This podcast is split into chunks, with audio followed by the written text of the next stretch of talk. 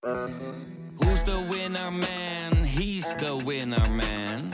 Is hij miljonair? Geen idee, maar nou en. Je hebt geen jackpot nodig to be a winner man. Oh oké, dat is wel lekker man. Van het enige varken in Afghanistan tot de spijbelpolitiek van Zweedse kinderen. De wereld, het boek dat wij samen met de Speld hebben gemaakt, is nu in de voorverkoop. Het is de meest betrouwbare landengids der landengidsen. Het beste boek dat je nooit mag gebruiken bij je eindexamen aardrijkskunde. Ga naar grotepodcastlas.nl slash boek, bestel hem en dan heb je hem eind juni in huis.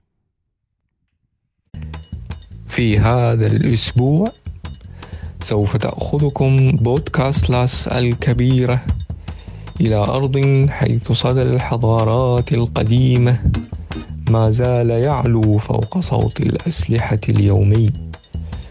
أرض لا مثيل لها في الغنى الحضاري حيث دجلة والفرات يقصان قصص بلاد ما بين النهرين. وبالرغم من سنوات طويلة من النزاعات تبقى روح العراق غير منكسرة. وشعب العراق الذي يتسم بقوة الإرادة والأمل. عزيزي المستمع تحضر معنا لرحلة إلى العراق.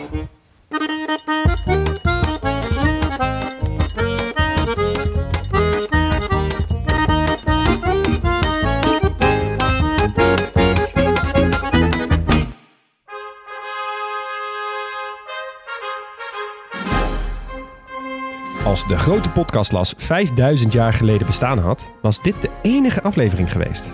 Want de beschaving die later de wereld opdeelde in landen, rijken en stadstaatjes begon hier. Hier, in het oude Mesopotamië. We slaan 21ste eeuwse krant open en warempel wat blijkt? Irak domineert voorpagina's gevuld met onderdrukking, oorlog en chaos. Hoe is dit in vredesnaam mogelijk? Het antwoord is, de wet van de remmende voorsprong is een bitch in Irak. Ambitieuze en agressieve jonkies bemoeiden zich met het gebied.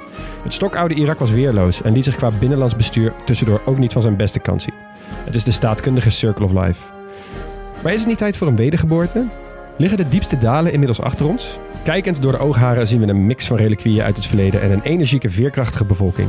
De buitenlandse bemoeiers zijn weg en het stof is gaan liggen. Laten we hopen dat we getuigen zijn van een opleving. Inshallah. Zo. Nou, ja. Eh, jongens, Irak, man. Eh, ik, ik wist dat hier ook wel heel veel moois te, te, te halen was. En dat had ik echt zeker niet bij alle landen die voornamelijk negatief in het nieuws komen. Ik weet zeker dat we ook wel erin slagen om van Irak hele mooie dingen te gaan laten zien. Ja, dat vermoeden had ik inderdaad ook al wel, maar ik ken Irak eigenlijk heel slecht. Het is denk ik een van de, van de landen, van de weinige landen die ik beter ken eh, van het journaal dan vanuit de atlas. Hmm. Ja, Dus- goed. Ja, goed gezegd. Ik, ik, ik weet eigenlijk niet zo heel veel meer van Irak. Of ik wist voor mijn onderzoek niet zo heel veel meer dan de bommen en granaten, zeg maar. Nee, ik denk dat veel van onze luisteraars dat ook hebben. Ja. Dus ik had ook wel echt...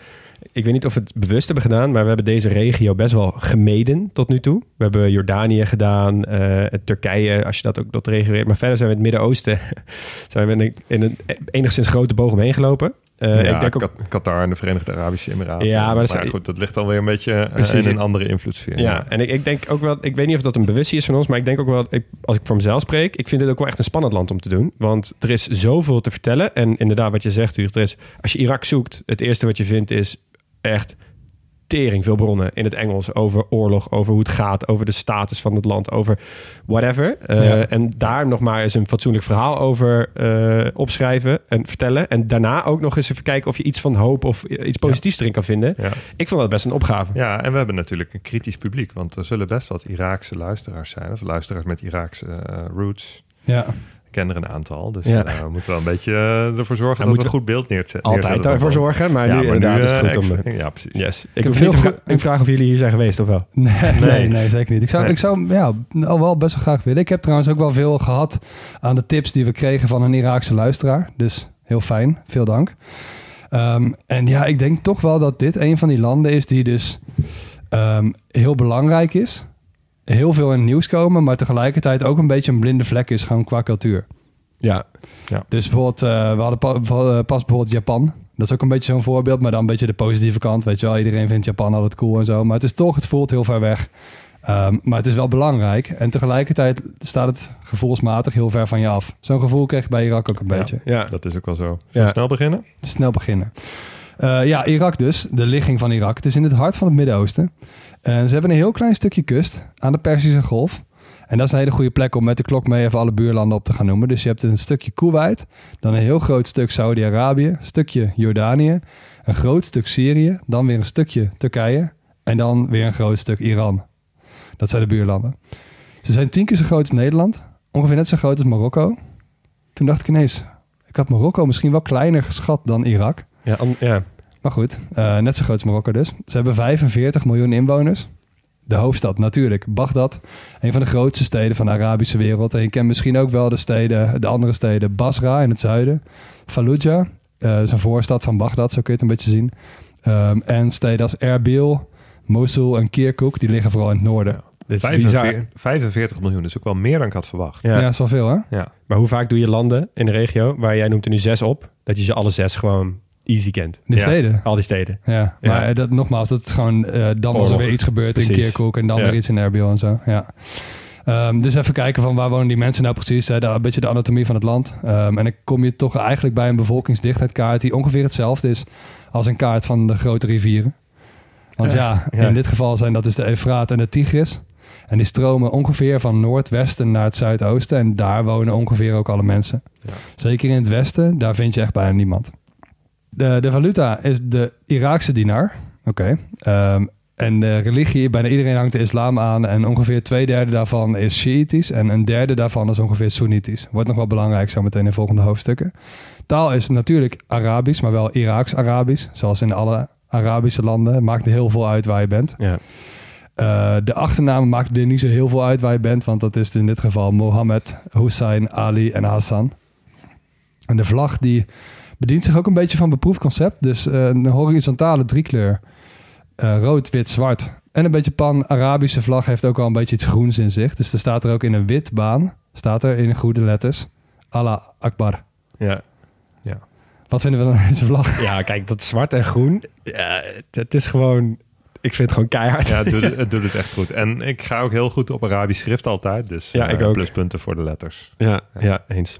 Ja, het is, het is mij toch wel iets te veel religieuze slash politieke boodschap op een vlag eh, met tekst. Ja, Ja, dat is natuurlijk ik ben wel nooit zo. heel erg fan van. Nee, fair. Maar, eh, Maar- voor die mensen eh, geeft het waarschijnlijk wel veel kracht. Ja, precies. Maar is, is Allah niet gewoon God in het algemeen? Dus kan een, een christelijke Arabier dit niet ook zien als een, als een spreuk God is groot? Hmm, denk het niet. Hier gaan we vast een antwoord op krijgen in de reacties.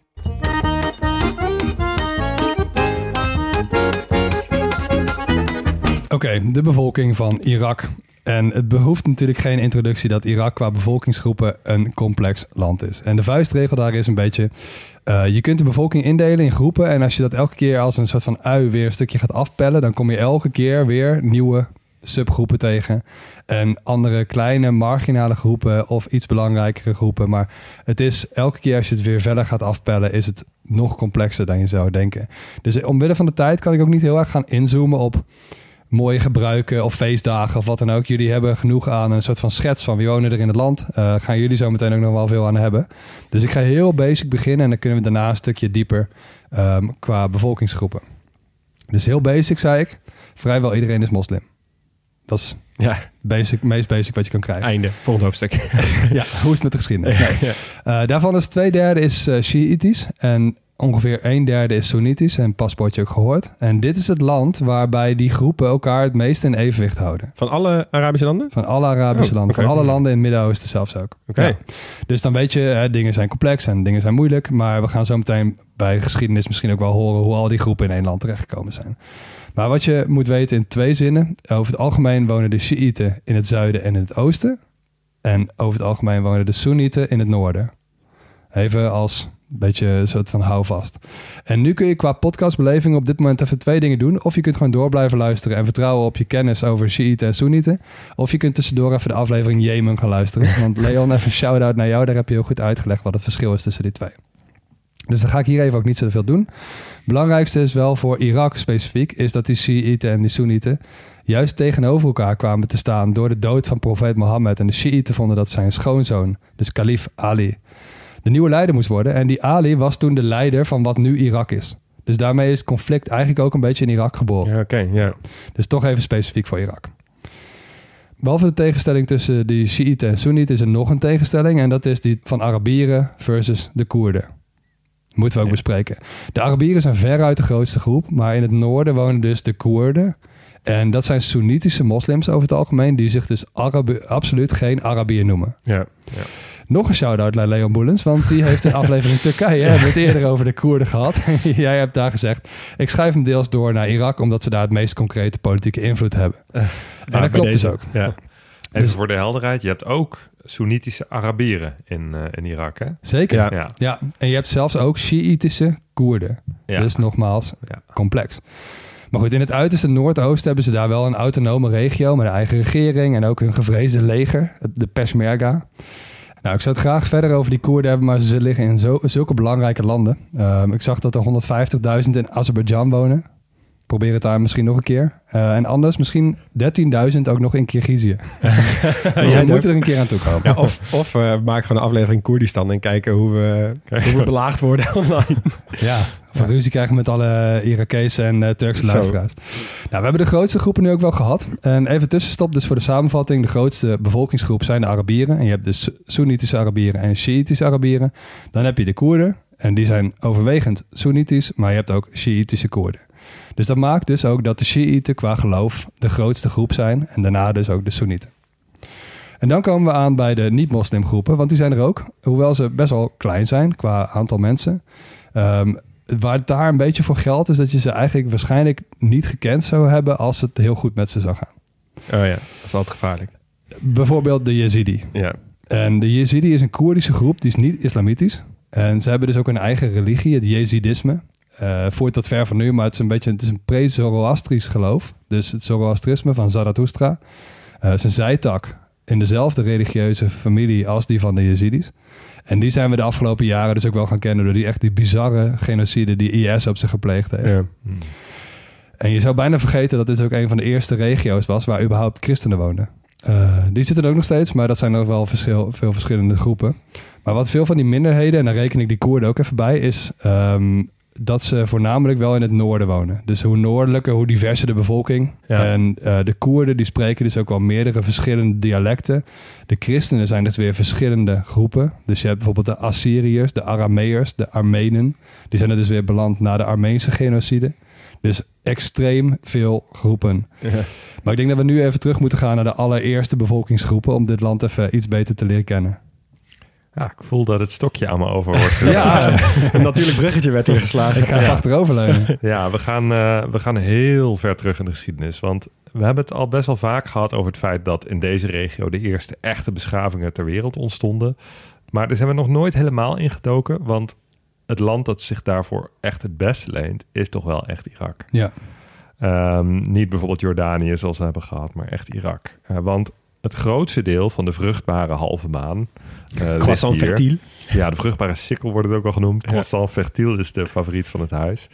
Ehm, maar inderdaad, Mesopotamië, eh, het land tussen de rivieren Eufraat en Tigris. Dus we beginnen heel lang geleden, eh, rond 4000 voor Christus. Toen ontstond in Mesopotamië namelijk het rijk Sumer.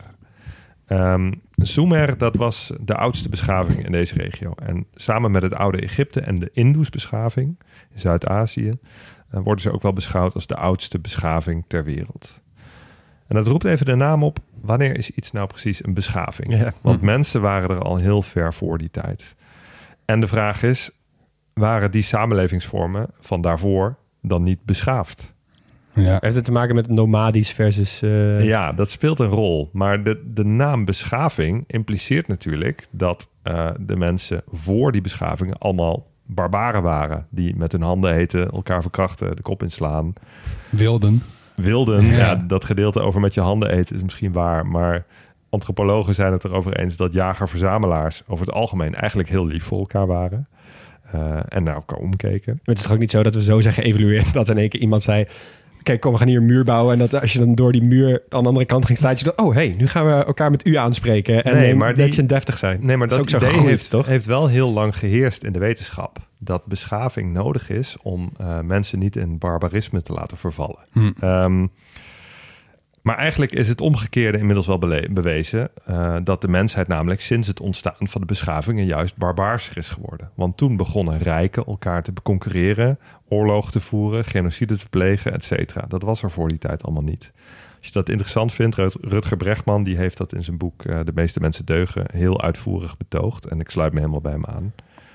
Dus het ont- ontstaan van die beschavingen was geen revolutie op het gebied van beschaafdheid. Integendeel. Maar wat was het dan wel? Nou, ten eerste, zoals je zei, Leon, het gaat hand in hand met het ontstaan van de landbouw. Eh, eerst jaagden mensen op wild, verzamelden ze planten en vruchten. Ehm, maar toen, en Irak is, een van de eerste plekken waar dat gebeurde, leerden mensen om gewassen te cultiveren en vee te hoeden. Eh, en toen konden ze zich dus ook op één plek gaan vestigen.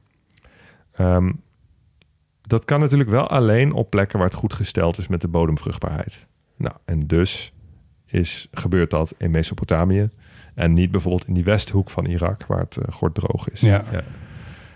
Nou, landbouw zorgde er ook voor dat de voedselproductie omhoog ging. Uh, niet iedereen hoeft zich dus meer bezig te houden met de voedselvoorziening. Uh, dus mensen gingen meer ambachten uitvoeren, handelen. En er ontstonden steden waarin dat allemaal samenkwam. Je kunt je dan ook echt gaan specialiseren als mens, weet je? Omdat Ja, je niet, ja. niet iedereen alleen maar voor zichzelf allemaal hetzelfde aan het doen is. Ja, en je kan je specialiseren in andere dingen dan spruitjes of, ja, ja, eh, precies. of varkensmelk of zo. je kunt gewoon wielen gaan maken als je wil, weet je wel? Ja, precies. Ik ga een hobby zoeken. Ja, Ik heb een podcast gaan maken. precies.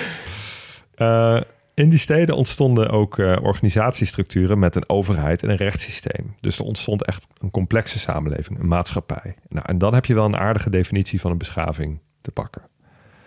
Goed, weer even inzoomen op ehm, hoe dat er dan uitzag in Mesopotamië. Die Sumeriërs van het Rijk Sumer, die eh, bouwden de stad Uruk, ehm, ongeveer 300 kilometer ten zuiden van het huidige Bagdad, aan de rivier de Eufraat. En Uruk wordt wel beschouwd als de eerste echte stad ter wereld. En volgens velen is Uruk ook de naamgever van het land Irak. Oh, oké. Sumer was trouwens niet echt een eenheidsstaat. Eh, het was niet één rijk. Het was meer een losse verzameling van stadstaten. Ehm, en rond 2300 voor Christus was Uruk niet meer de belangrijkste stad, maar was dat Akkad. Hm. En Akkad lag een stuk noordelijker. Ehm, op dat moment was Akkad ook de grootste stad ter wereld. En het grappige is, hoe groot het ook was, ze weten nog steeds niet precies waar het lag. Ja, archeologische vondsten die wijzen op een plek iets ten noorden van Bagdad aan de Eufraat. Maar het blijkt heel lastig om er zekerheid aan, eh, over te geven. Want eh, de stad werd na een paar honderd jaar volledig met de grond gelijk gemaakt door een rivaliserend volk. Oké.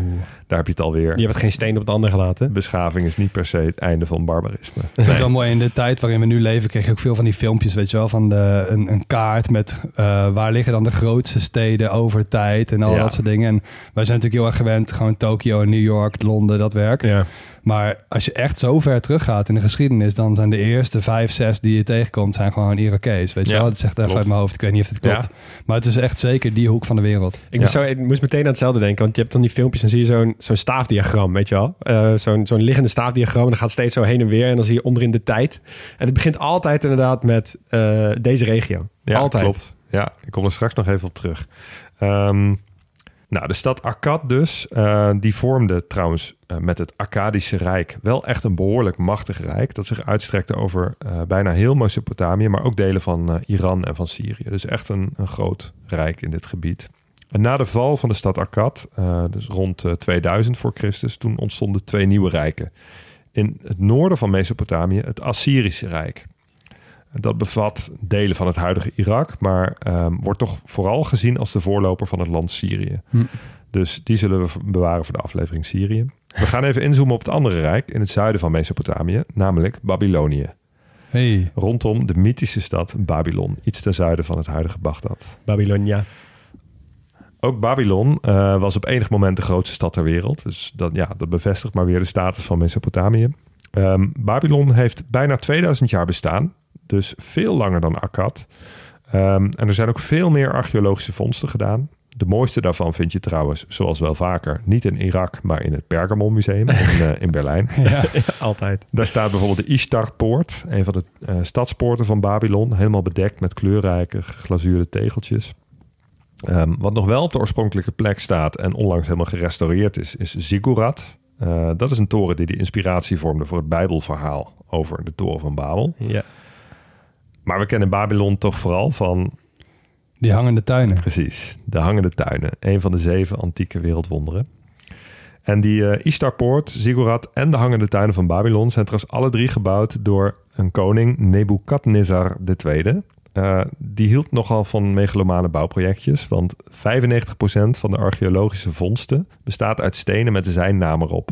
Wow. En dat is dus van één koning in een jaar wat 2000, Dat is- in een rijk wat 2000 jaar heeft bestaan. Dan maak je echt één. Dan maak je Ja. gigantische gebouwen, maar ook nog eens met stenen waar altijd je naam op staat. Dat Ja. duurt alles twee keer zo lang.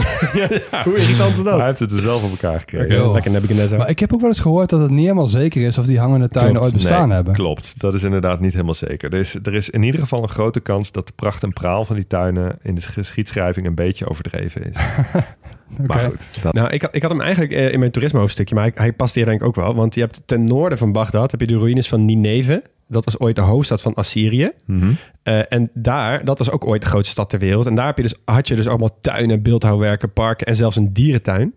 Eh, maar die is dus ook helemaal verwoest. En sommige historici die zeggen eh, dat daar die eh, tuinen op gebaseerd zijn. Dat dus Oh, mensen ja. daar die tuinen hebben gezien en dat toe hebben geschreven aan Babylon. Ah ja. ja. dat zou kunnen, ja. ja. Nou goed, maakt niet uit. Eh, het is in mythes gehuld en dat Tuurlijk. geeft niet. Leven en laten leven. Ja.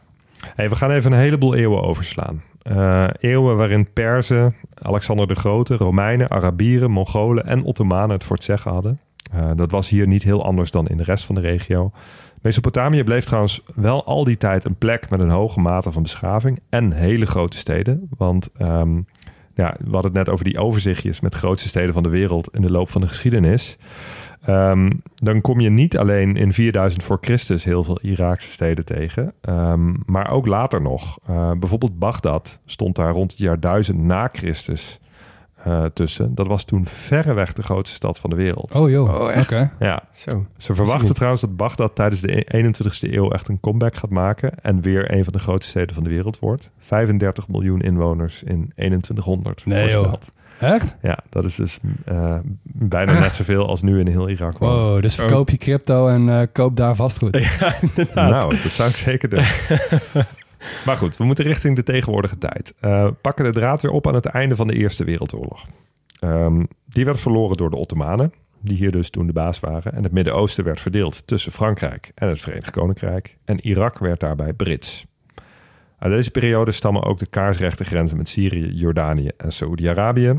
En ja, die deden natuurlijk niet echt recht aan de verschillende bevolkingsgroepen die daar woonden. Eh Soenieten, Shiiten, Koerden, etc. En de Britten die gaven de macht in Irak in handen van een Soenitisch koningshuis. Van dus een, eh, een, een minderheid van de bevolking, Ja. de Soenieten. Dat is belangrijk om te weten. In 1932 werd eh, Irak ook onafhankelijk binnen, binnen het gemene best. In 1941 waren de Britten weer even terug. Mogen jullie raden waarom? Olie. Juist. dat was toen even hard nodig. Eh, maar na de Tweede Wereldoorlog trokken de Britten weer weg. Ehm, maar het bleef eh, een door de Britten gesteunde monarchie van Soenitische koningen. Tot 1958. We zijn beland in het tijdperk van de pan-Arabische gedachte. In Egypte was Nasser aan de macht. Eh, er werd openlijk gesproken over een pan-Arabische republiek op socialistische leest. Eh, er volgde in Irak ook een succesvolle staatsgreep. De koning werd vermoord. Irak werd een republiek met weer Soenitische militaire leiders. Nou, in de jaren die volgden waren er heel veel pogingen om te fuseren met vooral Jordanië, Syrië en Egypte. Eh, om verschillende redenen mislukte dat telkens. Partijen konden het telkens net niet eens worden. Economisch ging het niet heel lekker. Eh, ze verloren samen voortdurend oorlogen van Israël. Dat hielp niet mee. Ehm, ik stel voor dat we een keer een special houden over deze eh pan-Arabische linkse lente, die helemaal nooit echt tot bloei is gekomen. Ja, nee, want ik weet nog wel een dat we interessante in, periode. in Jemen bespraken we ook zo'n project dat vooral van Nasser was, maar van de, iets van de Verenigde Staten van de Ja. Arabische landen Ja, of zo, ik noem maar wat. Heel kort bestaan, maar nu heb je er dus nog één. Ja, Ja, de- heel vaak komen die initiatieven vanuit Egypte. Eh, tenminste, zag ik. Want ik heb toen in mijn geschiedenishoofdstukje van Cairo... heb ik ook echt drie of van die rijken of zo langs zien komen. Inderdaad, Ja. van die pan-Arabische. En dan zie je dat op de kaart. En dan zie je dus zo Egypte, maar ook Irak. Terwijl dat nou, best wel vrij ver van elkaar vandaan lag. Als Ja. één land. En daartussenin gewoon stukken niks, ja zeg maar. Egypte zwengelde dat wel aan inderdaad. Ja. Maar interessante periode. Ehm, in Irak was in 1968 de Baath-partij aan de macht gekomen. Ehm, dat is een socialistische partij die dus die pan-Arabische gedachten omarmde. En eh, die partij kwam in 1971 ook aan de macht in Syrië. En is dat daar nog steeds, onder leiding van, eh, van al-Assad. Vergelijk het een beetje met wat we nu in Europa hebben met de partij Volt. Maar dan met een absolute meerderheid aan zetels in eh, Irak en Syrië. Maar hè, het is dus wel echt zo'n Ja. zo'n pan-Arabische partij. Even kijken naar de twee pijlers binnen de baatpartij. Eh, socialisme en pan-Arabisme. Ehm, die baatpartij was dus socialistisch, maar let op, niet communistisch. Er waren goede banden met de Sovjet-Unie, maar communisten werden vervolgd. Ehm, ook met het Westen waren de betrekkingen bijvoorbeeld best oké. Ja, Dus dat was niet eh, zo zwart-wit. oké. eh, Hadden ze nog een beetje links met de Britten en zo en dat soort... eh, Nou, met de Britten niet zo, want daar hadden ze het Koningshuis, het Brits, Oh, ja, fair, ja. de Britse loyalisten, het Koningshuis hadden ze omgebracht. ja. Ehm, maar ze sloten het ook niet helemaal uit. Nee. En ze hadden natuurlijk ook wel baat bij handel met het Westen, Ja. gezien hun belangrijke grondstoffen. Ja. Ah, baat. Ehm, de baatpartij was dus ook pan-Arabisch. Ehm, dat wilde zeggen dat het voor de baatpartij op papier niet uitmaakte of je christen, soeniet of shiït was, zolang je maar Arabier was. Eh, de familie al-Assad in Syrië is bijvoorbeeld Alawitisch. Een kleine religieuze minderheid in, eh, in Syrië, maar wel een Arabische minderheid. Ja. Nou, toch was het in Irak een partij waarin Soenitische Arabieren dominant waren. Dus niet de Soenitische Koerden. Want dat waren tenslotte geen, eh, geen Arabieren. En de niet-Arabieren, die waren echt de Sjaak in Irak onder de baatpartij. Hm. Eh, dus de Koerden vooral, maar ook de Turken, Joden, Perziërs. En eh, een belangrijk figuur in die vervolgingen was Saddam Hussein. Hij speelde in 1968 zelf een grote rol bij de staatsgreep die de eh, baatpartij aan de macht bracht. Eh, en in de jaren 70 was hij vicepresident en in 1979 werd hij zelf president. Nou, dat hebben we geweten ook. Dus dit gaat stokje naar mij, hè? Ja. Ja. Zo, nou. Wat een lekker moment om dit hoofdstuk te starten. Hoe is het met Saddam Hussein? ja. Nou, we hebben dus nu 1979 Irak. Ehm, de, de oplettende luisteraar die weet dat dit een politiek hoofdstukje wordt buiten proporties.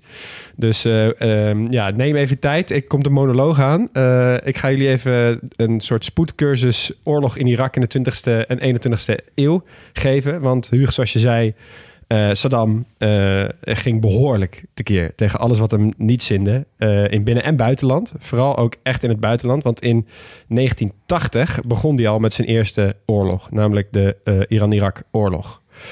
Ehm, Iran, gaan we het daar ongetwijfeld over hebben, had net een islamitische revolutie gehad. Ayatollah was net aan de macht gekomen.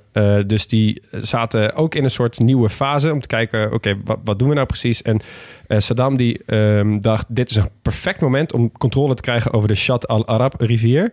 Dat is ongeveer waar de Tigris en de Eufraat samenkomen. En dat is dat moerassige gebied waar de zogenaamde moeras-Arabieren wonen. Wat ik echt een geweldig term vind. Ja, die heb ik nog niet eens genoemd inderdaad. Maar Ja. moeras-Arabieren vind ik inderdaad echt een Ja. heerlijke term. Fantastisch. Ja.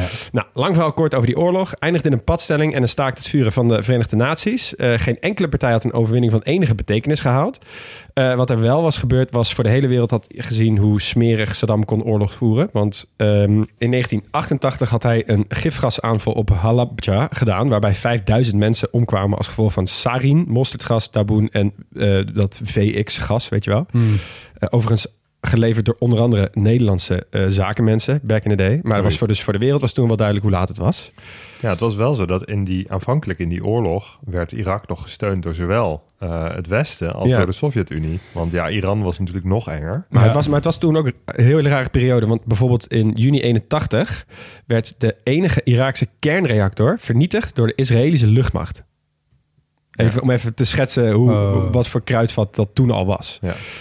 Nou, het, het dodental van die Iran-Irak-oorlog was eh, ongeveer tussen de 500.000 en 1 miljoen. Maar ja, zoals wel vaker is het gewoon totaal onzeker.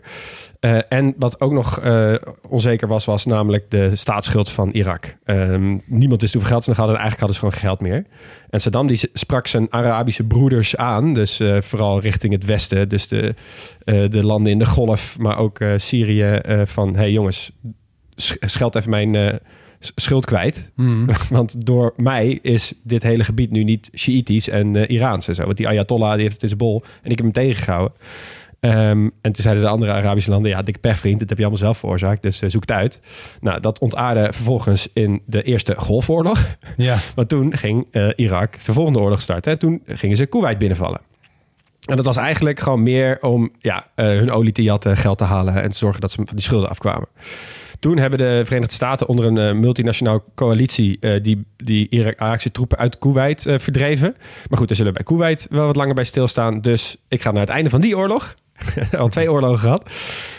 want toen nam de VN, Veiligheidsraad, resolutie 687 aan. Nou, waarom zeg ik dat? Is omdat in die resolutie stond...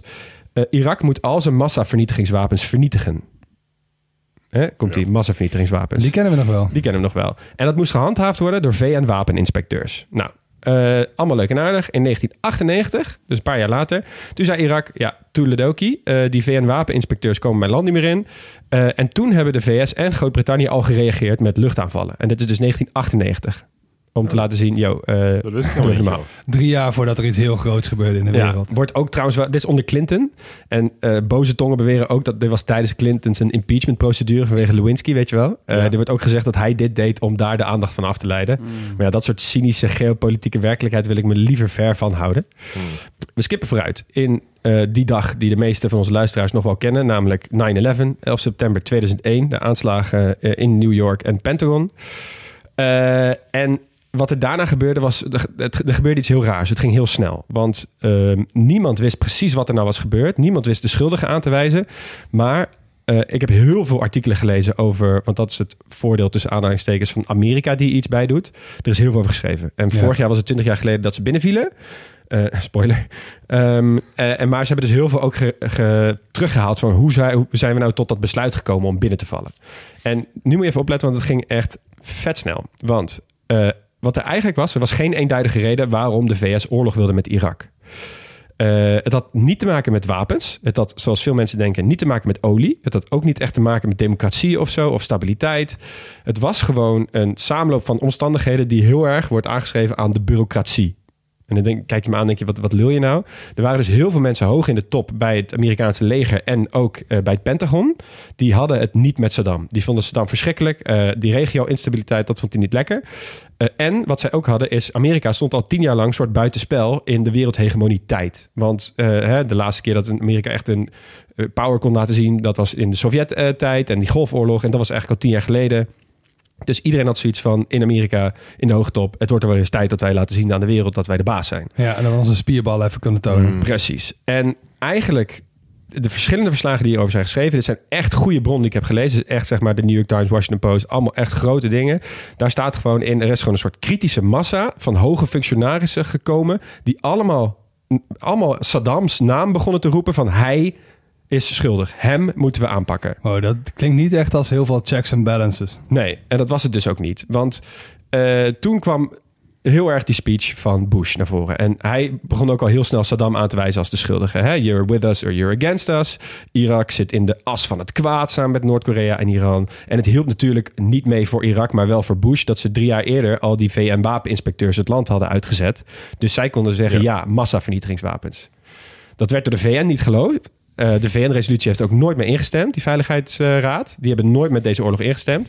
Maar US Congress wel. Ja. En zo gebeurde dat de Amerikanen en de Britten Irak uiteindelijk op 20 maart 2003 binnenvielen met zo'n 40 Tomahawk kruisraketten op Bagdad. Ik weet dit echt nog supergoed, man. Ja, toch? Ja, ja maar uh, we zaten toen in de tweede of zo, denk ik, uh, van de middelbare school, zoiets. En ja, je moest dan ook zo'n zo'n werkstuk doen en wij moesten dan het nieuws volgen en dat dan presenteren in een geschiedenisles, weet je? Ja. En ik had precies die week gelood dat dit speelde. Oh nee joh. Toen dacht ik, hé, hey, hier uh, ga ik ooit misschien later een podcast Ja. Nee, dat zeker niet. Maar toen, ja, het was echt heftig toen. Nou, het klinkt heel stom, maar het was ook wel een soort van spannend. Wij waren Ja. 13 Ja. en nou, niet, eh, niet dat je de, je vingers bij, bij het nieuws aflikte of zo. Maar het was natuurlijk wel gewoon een super spannende tijd waarin heel veel gebeurde. Dat je echt dacht, wow, wat is dit? Nou, ik weet het nog, want wij keken... Mijn ouders hadden BBC aangezet. Of de NOS had beelden van BBC, ik weet niet meer. Ehm, Mhm. Maar dan had je dus zo die stad en je zag dan gewoon zo zwart. En dan die rode balk onderin met breaking, dubbele punt, US invades Iraq. En dan zo die flitsen van die stad. Dat Ja. daar zeg maar de bommen vielen. En ik weet nog dat ik daar naar keek en dacht... Wow, nu is het voor altijd alles anders of zo. Ja, misschien Ja. was dit ook wel eh, een beetje terugkomend op dat we nooit meer oorlog zouden kennen en de Koude Oorlog is over en wat dan ook. Dit was misschien wel de eerste echte grote grondoorlog eh, uit onze jeugd. Ja, als je ja, uit Ja. onze jeugd, misschien Bosnië natuurlijk, maar is niet echt een grondoorlog geweest. Ja. Maar goed, maar ehm, eh, dit was voor ons hoe wij het hebben beleefd. Maar ik heb een, een man gesproken, een vriend van mij, Ali. Ehm, hij zat eh, in Bagdad toen dat gebeurde. Eh, dit was dus in 2003. Hij was eh, in zijn laatste jaar van zijn studie. Het was een Engelstalige studie over ICT. En ik, ik, ik parafraseer even het, gesprek wat ik met hem heb gehad hierover. Ik heb met hem anderhalf uur over gesproken. En hij zei, ja, ik was erg blij toen het gebeurde. Ehm 80% van de mensen in Bagdad, in zijn woorden, hè, 80% van de mensen in Bagdad vond het echt prima dat Saddam werd ontzet. Irak was namelijk al jarenlang afgesloten van de buitenwereld. Het was echt een super moeilijke periode. Hij vertelde ook over dat hij in de bus zat en dat er dus naast hem mensen zaten met allemaal strepen en, en sterren op hun schouders in een militair uniform in de bus. Omdat ze in het openbaar vervoer naar de werk moesten Oh ja. gewoon die vernedering, zeg maar. Dus die steun, die was echt al heel eh, laag. En hij vertelde me dat ze binnen enkele dagen heel Bagdad hadden overgenomen. Eh, en dat het hele regime eigenlijk gewoon vanaf moment één al best wel snel was gevlucht. En dat er daar toen ook door de Amerikanen en ook door die mensen in Bagdad werd gezegd... oké, nu gaan we aan de slag. En eh, wat hij vertelde was... Er was meteen internet in Bagdad. Dat was er daarvoor niet. Er was meteen internet. Mensen hadden ineens meer dan twee zenders televisie. Dus iedereen liep over straat met zo'n dikke satellietreceiver... om maar meer tv te kunnen kijken. Mensen kregen mobiele telefoons. Mensen kregen andersoortige auto's konden ze inkopen. Hun geld werd meer waard, omdat ze hadden heel veel op de bank. Maar die, eh, wat dat was natuurlijk heel hard gekelderd door die inflatie. En ineens was hun geld weer wat meer waard. Hmm. Dus mensen begonnen auto's te importeren. En eh, eh, er waren kansen. Mensen konden gewoon naar het werk gaan. En hij vertelde me zelfs het verhaal dat hij is uiteindelijk gaan werken als tolk voor Amerikaanse leger en voor Amerikaanse onderaannemers. En hoe die baan heeft gekregen, hij is toen gewoon in de maanden na de inval, is hij gewoon naar de poort gelopen van de Green Zone van de Amerikanen. Heeft hij gewoon, hallo, eh, ik ben Ali, ik wil voor jullie werken. En toen zei hij, ja prima, kom maar binnen. Gesprek gehad. Oké, is goed, Ali. Eh, het was gewoon een ZZP-contract. We kunnen je bellen als we je nodig hebben. En toen heeft hij dus gewoon eh, een aantal jaar is hij gewoon links en rechts met hun het land doorgegaan. Maar zo ging dat dus toen. Ja. En hij vertelde echt dat die maanden na die inval, dus dan hebben we het echt over maart, april, mei, juni, juli, augustus, september 2003, waren echt de gelukkigste van zijn leven in Bagdad. Wow, Ja. dat is wel een mooie context inderdaad. Ja. Ja. weet je, kijk, het is natuurlijk ook... Die, die oorlog zijn wij natuurlijk allemaal heel erg gaan kennen als eh, de Amerikanen... die echt geen flauw idee hadden wat, wat ze met die oorlog aan moesten. Maar we vergeten natuurlijk ook snel dat Saddam in eigen land... voor heel veel mensen ook niet echt een populaire leider was. Dus die waren Nee, blij dat zij ontzet werden. ja, Ja, Saddam, Saddam was gewoon ook echt serieus gek. Want hij heeft dus ook bijvoorbeeld de bloedkoran laten maken. En naar het schijnt met een gedeelte of iets van, of misschien wel helemaal niks van zijn bloed. Hij heeft dus gewoon een, eh, een hoe noem je zo iemand? Een kalligraaf. Mhm. ja. Hij heeft een Koran geschreven met dus bloed. Wow. De bloedkoran. Maar goed, moet hem even, even een kleine sidestep om te zeggen dat Saddam ook gewoon knetter was. Ehm, we gaan naar 14 december 2003. Want toen werd Saddam uit een putje getrokken door Task Force 21 en gevangen genomen. Maar uiteindelijk leidde de verwijdering van Saddam echt tot een gigantisch machtsvacuum. En dat zorgde voor extreem veel sectarische spanningen. Eh, en de tegenreactie tegen de Amerikanen werd groter. Ehm, Daarvan was echt het soort van het startschot eh, de lente van 2004. Want toen werden vier onderaannemers in Fallujah verbrand en opgehangen aan een brug. En dat ging de hele wereld over. Zo van, oh ja, ehm, die democratie willen wij niet, zeg maar. Beetje dat idee. Eh, tegelijkertijd, een paar maanden later, werd ook bekend wat Amerika deed in de gevangenis van Abu Ghraib. Zo. Dat we kennen we, die beelden kennen we allemaal Ja. nog. Dat ze die gevangenen opstapelden en echt behandelden als ja, als, niet als mensen, wat echt verschrikkelijk was. Eh, dit geweld verergerde tussen 2006 en 2009 tot een niveau dat echt veel historici ook spreken van een burgeroorlog. Die Soenitische minderheid, hiervoor natuurlijk dominant onder Hussein, die voelde zich extreem gemarginaliseerd in die nieuwe door Shiiten gedomineerde Irak. Eh, en die wilde terugslaan. En dat komt dus vooral omdat in die regio, die Shiiten, die werden best wel snel al gesponsord door Iran. Want wat gebeurde er? Ja, de Amerikanen vallen binnen in Irak. En als je naar Irak kijkt op de kaart, dat ligt echt hartje. Midden, Midden-Oosten. Ja. Eh, daaromheen zaten ook allemaal landen met ook allemaal leiders. Nou, jij noemde net een Assad. Nou, ik noemde net een Ayatollah. Eh, in Saudi-Arabië hebben we het nog niet eens over gehad. Maar daar zaten ook landen die ook het Westen niet per se helemaal gezind waren. Dus zij keken met best wel veel argusogen naar wat hier gebeurde. Eh, en in no time, en dit hebben de Amerikanen extreem onderschat. Dat zie je dus ook terug in al die verslagen. Hebben zij, en vooral Iran, hun eh, tengels als het ware over de Sjiïtische bevolking uitgegooid en gezegd: ga, kom in opstand. Tegen Ja. de Soenieten, tegen de Amerikanen, kom in opstand. Nu is het moment. Nu is het moment. Ja. Hmm. Eh, en dat dat, dat ging zo hard dat sectarisch geweld het ontplofte. En de Soenitische tegenreactie, ja, die kan je natuurlijk voorspellen. Ja. Die hadden ook zoiets van, ja, luister even, dit is natuurlijk ook ons land geweest. Ehm, en die Shiiten werden toen de tijd geleid door een man, en dit is een belangrijke naam, Muqtada al-Sadr. Ik zal je het makkelijker maken. Hij werd namelijk ook Mullah Atari genoemd, omdat hij vroeger heel veel computerspelletjes speelde. dus we noemen hem vanaf nu Mullah Atari. Eh, werd gezocht door de Amerikanen, omdat hij dus ook een aantal aanslagen had gepleegd met, gepleegd met Shiïtische milities in Mhm. heel Irak. Hij is op een gegeven moment gevlucht na een bloedige slag ergens in het zuiden, naar Iran. Eh, heeft hij zichzelf zeg maar, in een soort ballingschap gedaan. En daar zat hij dus veilig toen de tijd. We hebben het nu over de inderdaad periode 2006-2009. Wat er dus nog bij kwam om aan te geven hoe hard de Amerikanen geen plan hadden voor hierna, is eh, ze hebben het gehele Iraakse leger ontslagen. En iedereen die met Saddam had samengewerkt ook. Ja. Dus eh, wat krijg je dan? Honderdduizenden boze en gewapende Soenitische mannen. En wat kwam er toen ook op, ook vanuit de regio? Al-Qaeda. Hmm. Dat hebben we ook nog. Dus je hebt een machtsvacuum. Je hebt daar heel veel boze mensen met heel veel geweren die elkaar niet mogen, maar ook de bezette macht, in dit geval de Amerikanen, niet mogen. Hmm. Er komen vanuit het buitenland groepen zoals Al-Qaeda naartoe, omdat ze weten hier is een extreme voedingsbodem. We hoeven nog maar dit te doen. Eh, en we hebben nieuwe mensen en we hebben de wapens. Nou, eh, tel uit je verlies, zeg maar. Ja. Ja. Op dit moment werd Al-Qaeda in Irak, zo heet dat, eh, geleid door Abu Musab al-Sarkawi. En dat was ook een grote naam. Ehm, sommige mensen zullen misschien nog wel kennen. Hij heeft echt jarenlang echt aanslagen gepleegd en verschrikkelijke shit gedaan. Ehm, maar ondertussen was er ook een nieuwe premier opgestaan. Dat is Nouri al-Maliki. Hij is ook al vaker premier geweest. Is ook misschien een naam die je wel eens langs hebt gekomen. Maar hij is van de Sjiitische partij. Mhm. En hij is in, op 5 november 2006 het proces tegen Saddam gestart. En dat eindigde met het doodvonnis door ophanging. Dat Ja. moment kunnen we misschien ook nog wel herinneren. Ehm, eh, en op dat moment was het dus ook weer echt een explosie van in het zuiden feest en in het noorden eh, oorlog. Want de Soenieten wilden wraak en de Shiiten waren aan het feesten.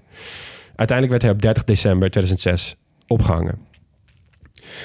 In 2011 hebben de Amerikaanse troepen zich teruggetrokken. Maar bleef Irak dus echt achter in een staat van onrust, geweld en totale ja, vraagtekens. Waar moeten we nou heen eh, met de wereld? Wat er ook in 2011 begon, was de Syrische burgeroorlog. Ja, eh, best wel chill als je eh, grenst aan een land wat ook totaal eh, in, ineens stort ineens. Eh, want ja, die, die, die grenzen zijn natuurlijk super poreus. Dus die strijders konden makkelijk van de ene naar de andere. Ja, het is gewoon puur woestijn. Het is gewoon puur woestijn. Eh, en eh, wat er ook bij kwam, is dat onze mullah Atari eh, terugkwam vanuit Iran om weer de Sjiitische groepen te leiden. Om te zeggen, oké, nu is onze kans om de macht te grijpen in eh, Irak. Ja. Nou, die burgeroorlog in Syrië, plus die poreuze grenzen, plus die boze eh Soenieten in het noorden, hebben uiteindelijk geleid. En de eh, nog radicaliserendere eh, Al-Qaeda hebben uiteindelijk geleid tot een grote groep mensen die heel graag een eigen staat, een eigen kalifaat wilden oprichten. En dan heb ik het natuurlijk over Yes. IS, Islamitische Staat. En in 2014 werden grote delen van Noord-Irak ook uitgeroepen tot kalifaat. Ik denk dat we allemaal het beelden van Mosul herinneren dat helemaal tot gort is gebombardeerd. Oei, oei. Hmm. Eh, echt verschrikkelijk. Eh, en eh, wat Ali hier ook vertelde over, over dit soort dingen, is dat het is gewoon. Je hebt gewoon jarenlange onzekerheid. En er zijn hele grote groepen mensen. En die weten gewoon niet zo goed wat ze wel willen, maar ze weten heel goed wat ze niet willen. Ja. Namelijk wat er hier gebeurde. En dan is het best wel makkelijk om mensen over te halen. In dit geval met religie en met een geloof van... oh ja, als je ons steunt, dan wordt het hier rustig... en dan krijg je wat je wilt. En zo kon het ook zo zijn dat het best wel snel in het noorden van Irak... ja, je moet die kaart van IS maar zien. Ik zal ze zetten op de socials. Dan zie je van die lijnen lopen zo. De, hè, hier zaten dan heel duidelijk... oh ja, eh, IS kon heel makkelijk hier hun, eh, hun slag slaan. Ehm, eh, en daardoor was het dus ook zo dat in 2014 de VS weer terugkwamen naar Irak. Samen met Nederland onder andere. Politieke steun vanuit Nederland. Ja, ja toen, toen hadden ze nog wel... Ja, het was weer een hele nieuwe uitdaging. Maar dit, dit maakte Irak zo interessant. Dat ze elke keer niet met rust gelaten worden... en dan komt er weer iets nieuws. En dat is misschien nog wel...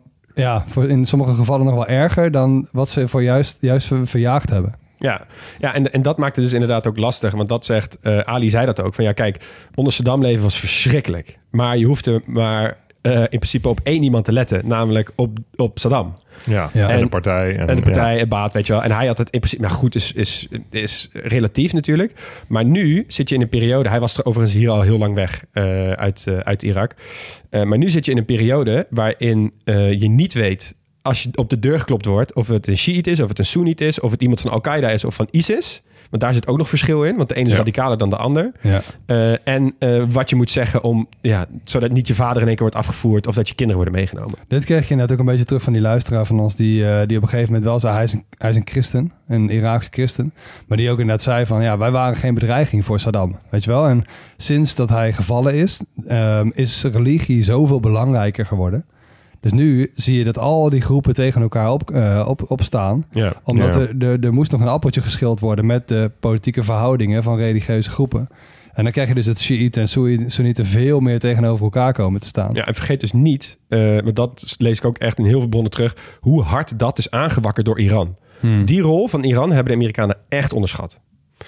Maar goed, eh, we moeten nog naar, naar nu. Dus ik zal nog even doorlopen, want eh, we zitten nu inmiddels in 2017. Toen werd ISIS uit Irak verdreven. Overigens nog niet definitief, want ik zag ook dat er nog in 2022 en 2023 aanslagen waren gepleegd. Die zijn opgeëist door eh, IS, dus Mhm. het bestaat nog steeds. Ja. Dus de rust is er ook nog niet. En er zijn dan ook verschillende verkiezingen geweest. met, ik las opkomsten tussen de 40 en 45 procent. Ehm, maar eind 2019 is een groot deel van de bevolking het zat. En eh, ze zijn klaar met dat ze worden geregeerd door de elite. Ze zijn klaar met die Amerikaanse invloed. Ze zijn klaar met de Iraanse invloed. Ze zijn klaar met corruptie. Ze willen gewoon eigenlijk een fatsoenlijk land. Want niet vergeten, deze mensen zitten inmiddels al 30, 40, 50 jaar in oorlog. Hè? Ja. Ehm, zij zijn helemaal klaar. En ze gaan volle bak de straat op. Echt Tahrirplein, proporties, Bagdad. Iedereen de straat op. Zo van, joh, geef ons een fatsoenlijk land.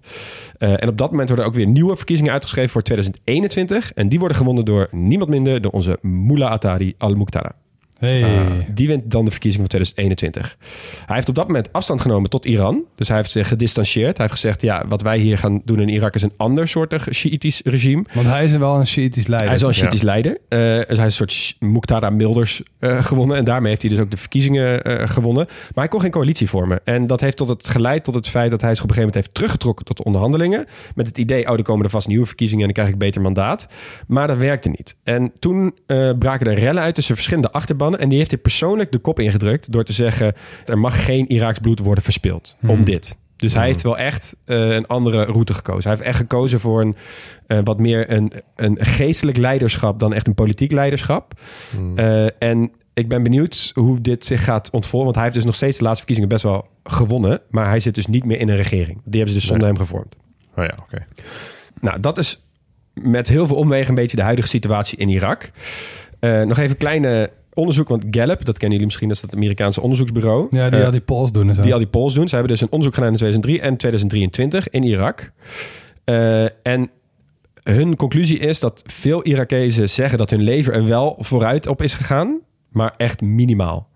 Er is nog steeds heel weinig vertrouwen in de overheid, heel veel angst voor sectarisch geweld en heel veel angst voor oorlog. En ze zijn gewoon heel bang dat het een soort kruidvat is. Eh, ja, een, een vat olie, letterlijk. Mhm. Wat met elke kleine beweging weer helemaal in de fik kan vliegen. Dus Ja. ik ben Ja. benieuwd hoe, eh, hoe dit de komende jaren gaat eh, ontwikkelen. Ja, dus er wordt niet meer zo hard gevochten als 10, 20 jaar geleden. En die- met, met opzet even die, die aantallen.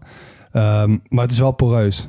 Ja, Dus ja. nogmaals, laten we hopen op een wederopstanding. Ja. Ehm, maar op zich, ja, het ziet er op zich wel oké uit voor eh, als je het vergelijkt met 10 en 20 jaar geleden. ja, Ja. ja. ik vind op zich wel hoopvol dat die Al-Atari als oppositielid nu eh, toch een beetje op de verzoenende toon is toch ook. Ja, de vraag is natuurlijk in hoeverre hij het meent. Want hij was wel echt Ja. de leider van een Sjiitische militante groep... Ja. die ook echt veel mensen heeft aangevallen. Ja, maar er komen natuurlijk veel eh, eh, grote leiders voort uit hele militante, hele extreme Dat is- militante bewegingen. Dat is absoluut waarheid. Ja, dus wie weet dat het bij volgende verkiezingen toch leidt tot een soort regering van nationale eenheid. Laten we het daar weer vooruit. Ja.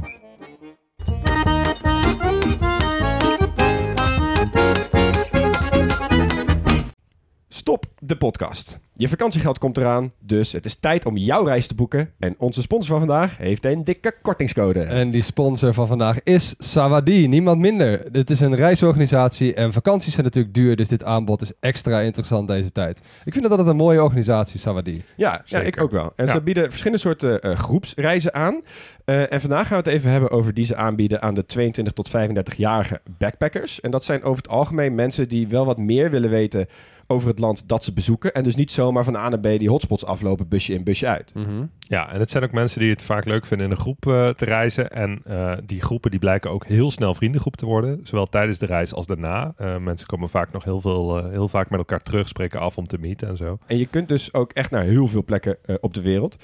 Populair zijn op dit moment plekken als Zuid-Afrika, Marokko, Jordanië, Colombia, Nepal.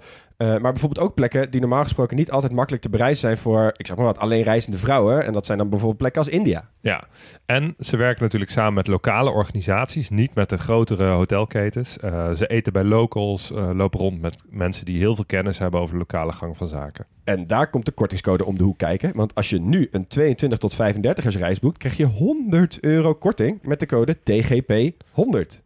En die code is geldig van 1 mei tot 16 juni. Ja, dus je moet wel een beetje op tijd boeken. Maar hey, 100 euro korting op zo'n reis. moet je kijken dat- wat je er allemaal mee kan ik doen. zou dat toch altijd even proberen om DGP 200 in Ja, te voeren. ja, ja, ja, ja. ik misschien. Ja. Ja, ik- Anyway, 100 is ook al super mooi. Zeker. En bij Sawadee, het reizen is heel makkelijk. Er is heel veel keuze en het is dus ook heel gezellig. Sawadee, met wie ga jij op reis? Terug naar de podcast.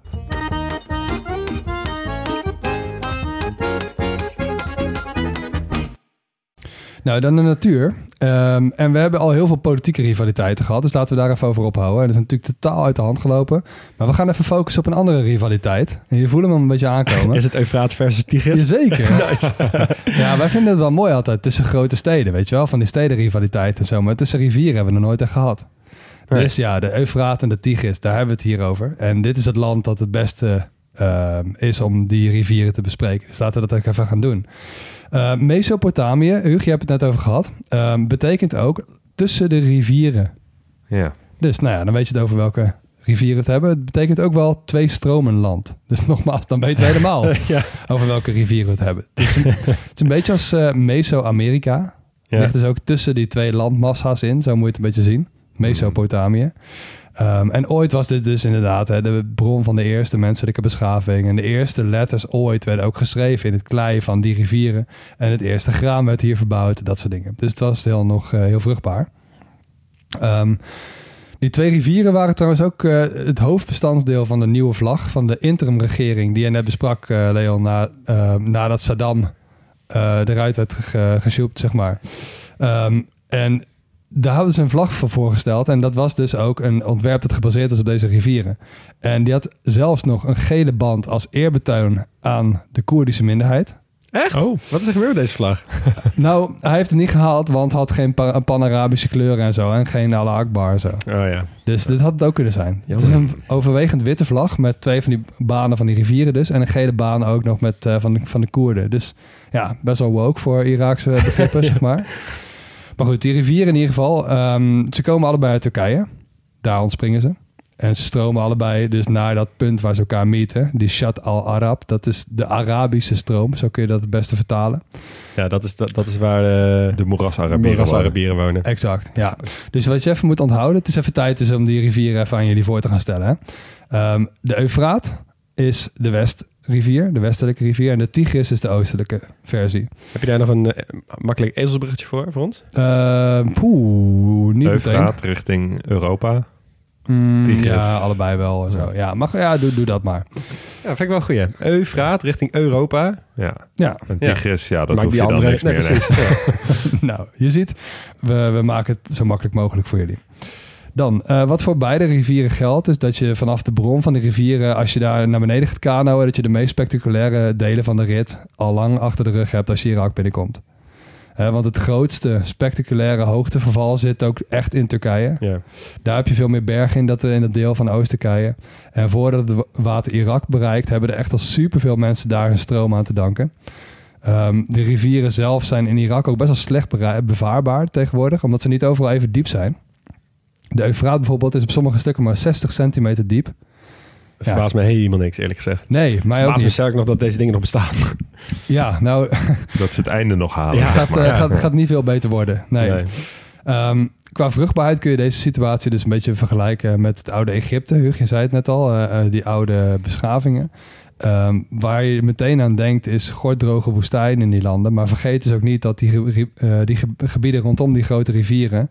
juist zorgden voor bloei en landbouw... omdat van die seizoensoverstromingen plaatsvonden. Ja. Daar kon je dus heel goed op boeren. Maar tegenwoordig is het helemaal niet onterecht dat je meteen aan die droogte denkt. Want je had die vruchtbare moerasgebieden, die maakten het gebied ooit zo vruchtbaar. En die drogen nu sneller uit dan ooit. Het, eh, het Milieuprogramma van de VN heeft 16.000 satellietbeelden gekregen van NASA. En heeft geanalyseerd dat 90% van het moerasgebied inmiddels is opgedroogd. Ja. Dus Ja. dit zijn echt Aralmeer, Tjaatmeer-achtige situaties. Ja. Het is ook dat eh, Turkije die legt de ene na de andere dam aan hè, in, de, in de bovenloop van die rivieren. Ja. Dus het is niet alleen klimaatverandering, maar ook gewoon het tegenhouden van water, waardoor er daar meer verdampt en er minder. Ja, dat is Ja, ook niet alsof ze daar een, eh, een heerlijke ruimte voor die rivieren deltaplan hebben kunnen uitzetten de afgelopen 30 jaar vanwege een stabiele regering. Dus, Nee, not really. Nee, maar dat is inderdaad het grootste probleem, stroomopwaarts. Nee, dus aan de ene kant heb je minder sneeuw en regenval, op zich logisch. Maar die stroomopwekking is echt een groot probleem. Ehm, in allebei die rivieren liggen samen al meer dan 30 dammen. En die zorgen dus met die stuwmeren dus ook voor hele grote meren die meer water vasthouden dan dat er überhaupt door die rivieren kunnen lopen. oh ja. Dus klopt helemaal, die dammen zijn echt een groot probleem. En vooral Turkije maakt zich daar de schuldig, eh, schuldig aan. Die zijn echt alleenheerser op het gebied van water in dit gebied. Helemaal stroomafwaarts trouwens stijgt de zeespiegel van de Perzische Golf. En dat zoute water komt dus die rivieren binnen en die verzeelt dus ook het water. Wat we ook een beetje zagen in Cairo, ja. in de Nijl. Dus dit, ja, dit speelt op heel veel plekken natuurlijk met de stijging van de zeespiegel. Ja. Ehm, Mekong Delta ook. Mekong Delta inderdaad ook. En gewoon alle plekken die laag liggen en ehm, een belangrijke rivierdelta hebben. Ehm, de Kuwait Baai trouwens, waar Kuwait City omheen ligt. Ja, niet echt Irak, maar wel in de buurt. Dat is ook de plek ehm, die het record heeft van warmste zeewatertemperatuur ooit. 37 graden. 37? Ja, Dat Dus- douche ik in. ja Wow. nee, precies. Ja. En dan kun je je voorstellen dat dus alle waterbuffels en otters en alle andere flora en fauna daar niet zo heel lekker op gaan. Nee. Hm. nee. Maar dus ook die moerasarabieren dus. Kom toch nog even bij ze terug. Eh, in dat zuidelijke deel van dus waar die Shat al-Arab stroomt. Dus die samenvoeging van de Eufraat en de Tigris. Eh, en je kunt ook wel een beetje bedenken waar die mensen wonen. eh, tot welke groep ze dus behoren. Dus tot de Arabieren. En waar ze van bestaan. Want je hebt die moerassen. Maar die moerasgebieden die zijn dus niet alleen verdroogd door minder watertoevoer. Maar ook door opzettelijke drooglegging van die moerasgebieden. En dat is vooral het werk van Saddam Hussein als straf tegen die Moerasarabieren, omdat zij dus na de Iran-Irak-oorlog aan de kant stonden van de protesten tegen zijn bewind. Nee joh. Dus hij heeft toen eigenlijk een soort van ecocide gepleegd op ze. Dat, nou, dat woord Ja. ken je misschien wel. Ja. Grootschalige toegebrachte schade of zelfs vernietiging van ecosystemen. Ja. Be- eh, heel bewust tegen die groep. En dat valt hier dus ook een beetje samen met etnische zuivering. Ik las ook op eh, Amnesty International dat vrouwen hier nog het meest eh, door getroffen worden. Omdat zij vaak werken als herders van de buffels of als verzamelaars van riet of verkopers op de markt. En als die markt wegvalt, dan is er voor hun in andere sectoren nauwelijks werk. Oh ja. Hm. Dus zij zijn hier dus wel bovenmatig veel de dupe van. Ja. Nou, volgens mij hadden we Saddam al afgeschreven in het vorige hoofdstukje. Maar bij Was deze definitief. Ja. Hij, va- hij valt wel echt letterlijk van een, eh, van een voetsokkel. Oeh, heel goed. Nou, ja, hij was ook geen, vrienden van de, vri- geen vriend van de show, maar hij is het nu Nee. helemaal niet meer. Nee. Dus eh, de conclusie ook van Amnesty is een beetje een duistere. Eh, die zeiden ook, de eerste beschavingen bloeiden hierop, maar als het zo doorgaat, wordt het ook een van de eerste plekken waar ze weer verpieteren en wegwaaien in een wolk van stof. Oh. Oeh. Nou, Nou, Ja, dat, Succes, is, een, ja, dat is een aardig bruggetje naar de economie van Irak. Ehm, want ja, ooit was dit dus de plek waar voor het eerst dieren en planten werden gedomesticeerd. Maar ja, als je nu denkt aan de economie van Irak, dan denk je toch vooral aan een andere bodemschat. En dat is natuurlijk olie. We hebben er lang eh, omheen gedraaid, niet heel veel over gezegd nog. Eh, maar Irak is wel het land met de op vier na grootste olievoorraad ter wereld. Welke landen hebben nog meer olie? Saudi-Arabië. Ja, Venezuela. ja. Nice. Eh States misschien wel? Nee. Canada Oh, ja. en Iran. Oké, Mm. ja. Eh 95% van de Irakese export komt op het konto van olie. Dus nog steeds echt eh, ja, een hele eenzijdige economie. Ehm, het is natuurlijk een tamelijk arbeidsextensieve tak van sport. Dus het levert wel veel geld op, maar niet zo heel veel banen. Dus het is niet zo vanzelfsprekend dat de hele bevolking ervan profiteert. Eh, een groot deel van de inkomsten belanden tegenwoordig bij multinationals en vloeien dus naar het buitenland. En in de tijd van Saddam Hussein was de olieindustrie wel genationaliseerd. Dus toen bleven de inkomsten wel binnen de landsgrenzen. Maar ja, de staat die bouwde vooral tanks in plaats van sociale voorzieningen. Ehm, Door de oliecrisis in de jaren 70 had Irak de wind extreem in de zeilen. Want de olieprijs ging omhoog, dus ze konden daar enorm eh, winst op maken. Ehm, de inkomsten stegen eh, van 600 miljoen dollar in 1972 naar 26,5 miljard dollar in 1980. Yo. Dus dat is gewoon eh, nou, 50 keer zoveel ongeveer. Eh, eh, wow, joh, maar dit is Ja. dus 1980. Dus dit is in het Ja, jaar dus dat hij dus Iran tijd. in ja, aan is precies. Dus, ja, en in 1980 was dat was eigenlijk ook wel het toppunt van de macht Ja. van, eh, van eh, de baatpartij in, eh, in Irak. Irak was toen echt een heel rijk land. Het is echt hoogmoed komt voor de val. eh. ja, precies. En dan snap je ook waarom ze zo'n sterk leger konden bouwen. bouwen. Ehm, maar voor het grootste deel van de bevolking was er dus wel echt sprake van een olievloek. Want bijna niemand profiteerde mee. Ehm, maar iedereen kreeg wel de bijkomende ellende over zich heen. Ja. Iets anders waar je niet zo vrolijk van wordt. eh, bij de productie van aardolie komt vaak ook aardgas mee omhoog. Ehm 16 miljard kubieke meter per jaar in dit geval. Alleen die bijvangst die wordt nauwelijks benut. Nee. Ongeveer de helft wordt afgefakkeld. Dus vliegt zo de atmosfeer in. Ja, Oh, we- weet je waar Ja. ze dit dus extreem doen? Ja, in eh, Turkmenistan toch? Nee, Of ja, zo? ook in Turkmenistan, maar ik bedoel meer binnen Irak. Oh, Eh daar zijn ze tegenwoordig trouwens mee opgehouden in de afgelopen paar jaar. Maar hiervoor deden ze dat dus extreem in Basra. Ah, Dus volgens mij uit mijn hoofd tweede stad van Irak, na Ja, Bagdad. In het zuiden. In het zuiden eh, is, staat echt op een van de grootste olievelden ter wereld. Dat is hetzelfde olieveld wat ze ook in Iran hebben. Ehm, eh, en ik las een, eh, een artikel waarbij ze foto's hadden gemaakt van een boer... die 50, 60, 70 jaar geleden... echt voor die hele jaren 70 olieboom, zeg maar... hmm. En die stond in een zwart-wit foto. Omheen overal palmbomen en groen en whatever. En als je nu kijkt naar Basra-foto's... je krijgt gewoon alleen maar zwarte lucht. Compleet vergald. Eh, je kan daar, het is een van de meest eh, vervuilde steden van die hele Ja. regio. Terwijl alles zit daar in, eh, in de olie. ja. Moet je nagaan. Het, is echt, eh, het het is heeft echt die hele omgeving en de natuur en de mensen en de biodiversiteit gewoon compleet vernacheld. ja. Ik wist het ook helemaal niet, dat je meteen een beetje aardgas hebt dat ontsnapt op het moment dat je olie aan het winnen bent. Ja. en daarom heb je al die fakkels bij die, bij die oliewinnen. Dat zit vaak bij elkaar in dezelfde bel, zeg maar. Ja. Ehm, maar goed, genoeg ellende. Want Irak krabbelt de laatste jaren wel echt serieus op, economisch. Eh, in de jaren nul moest het nog heel veel buitenlands geld lenen om zich op te richten. Ehm, die financiële impuls die wierp zijn vruchten af. Rond 2010 was Irak qua bruto nationaal product terug op het niveau van 1980. Nog niet dat het dan meteen helemaal netjes verdeeld is over de bevolking. Dat, Nee. dat zeker niet. Ehm, maar daarna was, het, eh, was er weer even een periode van stagnatie door de situatie met IS en daarna met corona. Maar de economie kelderde niet zoals het dat eerder had gedaan tijdens oorlogen. En de laatste jaren is de weg nog verder omhoog weer echt duidelijk ingezet. Eh, jaarlijkse groei ongeveer tussen de 5 en de 10 procent. Dus echt wel hoog. En tegelijkertijd nemen die buitenlandse schulden ook in rap tempo af. Dus eh, ik stelde mezelf de vraag, waar is dat aan te danken? Eh, dat heb ik even gevraagd aan mijn schoonzus. Die is onlangs namens het ministerie van Buitenlandse Zaken naar Irak gereisd. En eh, die zegt, ja, het komt eigenlijk vooral omdat er gewoon een hele grote jonge generatie is die er iets van wil maken. Ehm, heel veel jongeren willen ondernemen, worden daarbij ook gesteund door internationale initiatieven. Nu heb je misschien een beetje een beeld in je hoofd van kappers, horecazaken, taxibedrijven, dat soort nijverheid. Maar dat moet je echt bijstellen, want veel jongeren zijn heel behoorlijk geschoold, spreken goed Engels. En de toegang tot het internet is over het algemeen vrij goed. Dus er zijn ook heel veel tech-startups in Irak. Hm. Eh, ik las op een site van de VN twee voorbeelden van ondernemers die meedoen aan een programma dat ook gesteund wordt door de Nederlandse overheid. Eh, er zit bijvoorbeeld een meisje bij dat een bedrijf heeft opgericht dat zich richt op het verbeteren en onderhouden van medische apparatuur.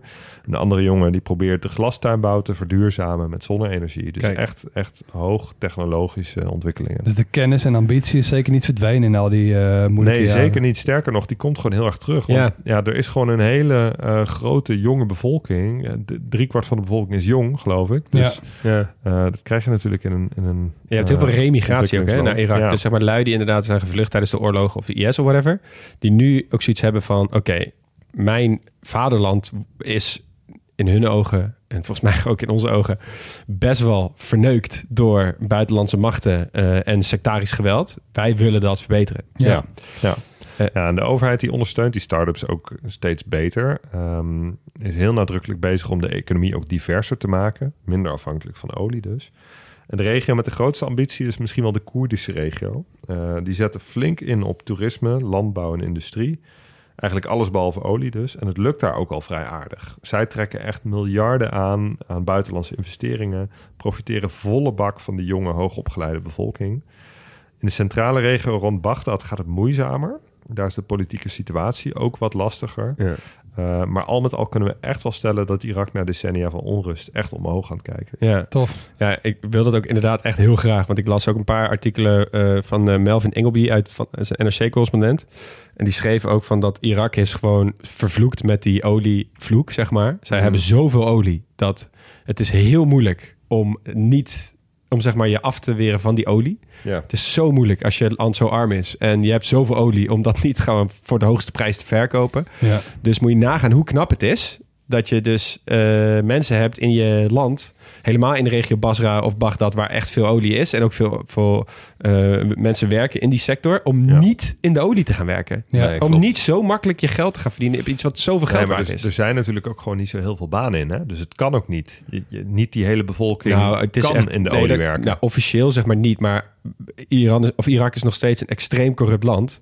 Eh, in die corruptie, daar kan je echt heel makkelijk tussen aanhalingstekens in meelopen, zeg maar. Het is best wel makkelijk eh, om jezelf te verliezen in een corrupt land waar olie eh, de macht heeft en daar het snelle geld te verdienen is. Ja, maar dit is Ja, dus maar wel dit- een land, Irak, dat weigert om zichzelf gewoon eendimensionaal olieland te laten zijn. Ja, En dat, dat hebben vind ze, ik dus, echt nou, dat hebben ze dus wel heel lang gedaan. Echt nog tot een paar jaar geleden was Irak echt olieland nummer één. Totaal geen, eh, geen diversifiering van de economie. Hmm. Die hadden echt zoiets van, fuck it, wij gaan gewoon olie exporteren. Daar verdienen we ons geld mee. Maar juist die laatste paar jaar, wat jij zegt, Huur, heel terecht... is er echt een nieuwe generatie opgestaan. En die hebben gewoon gezegd...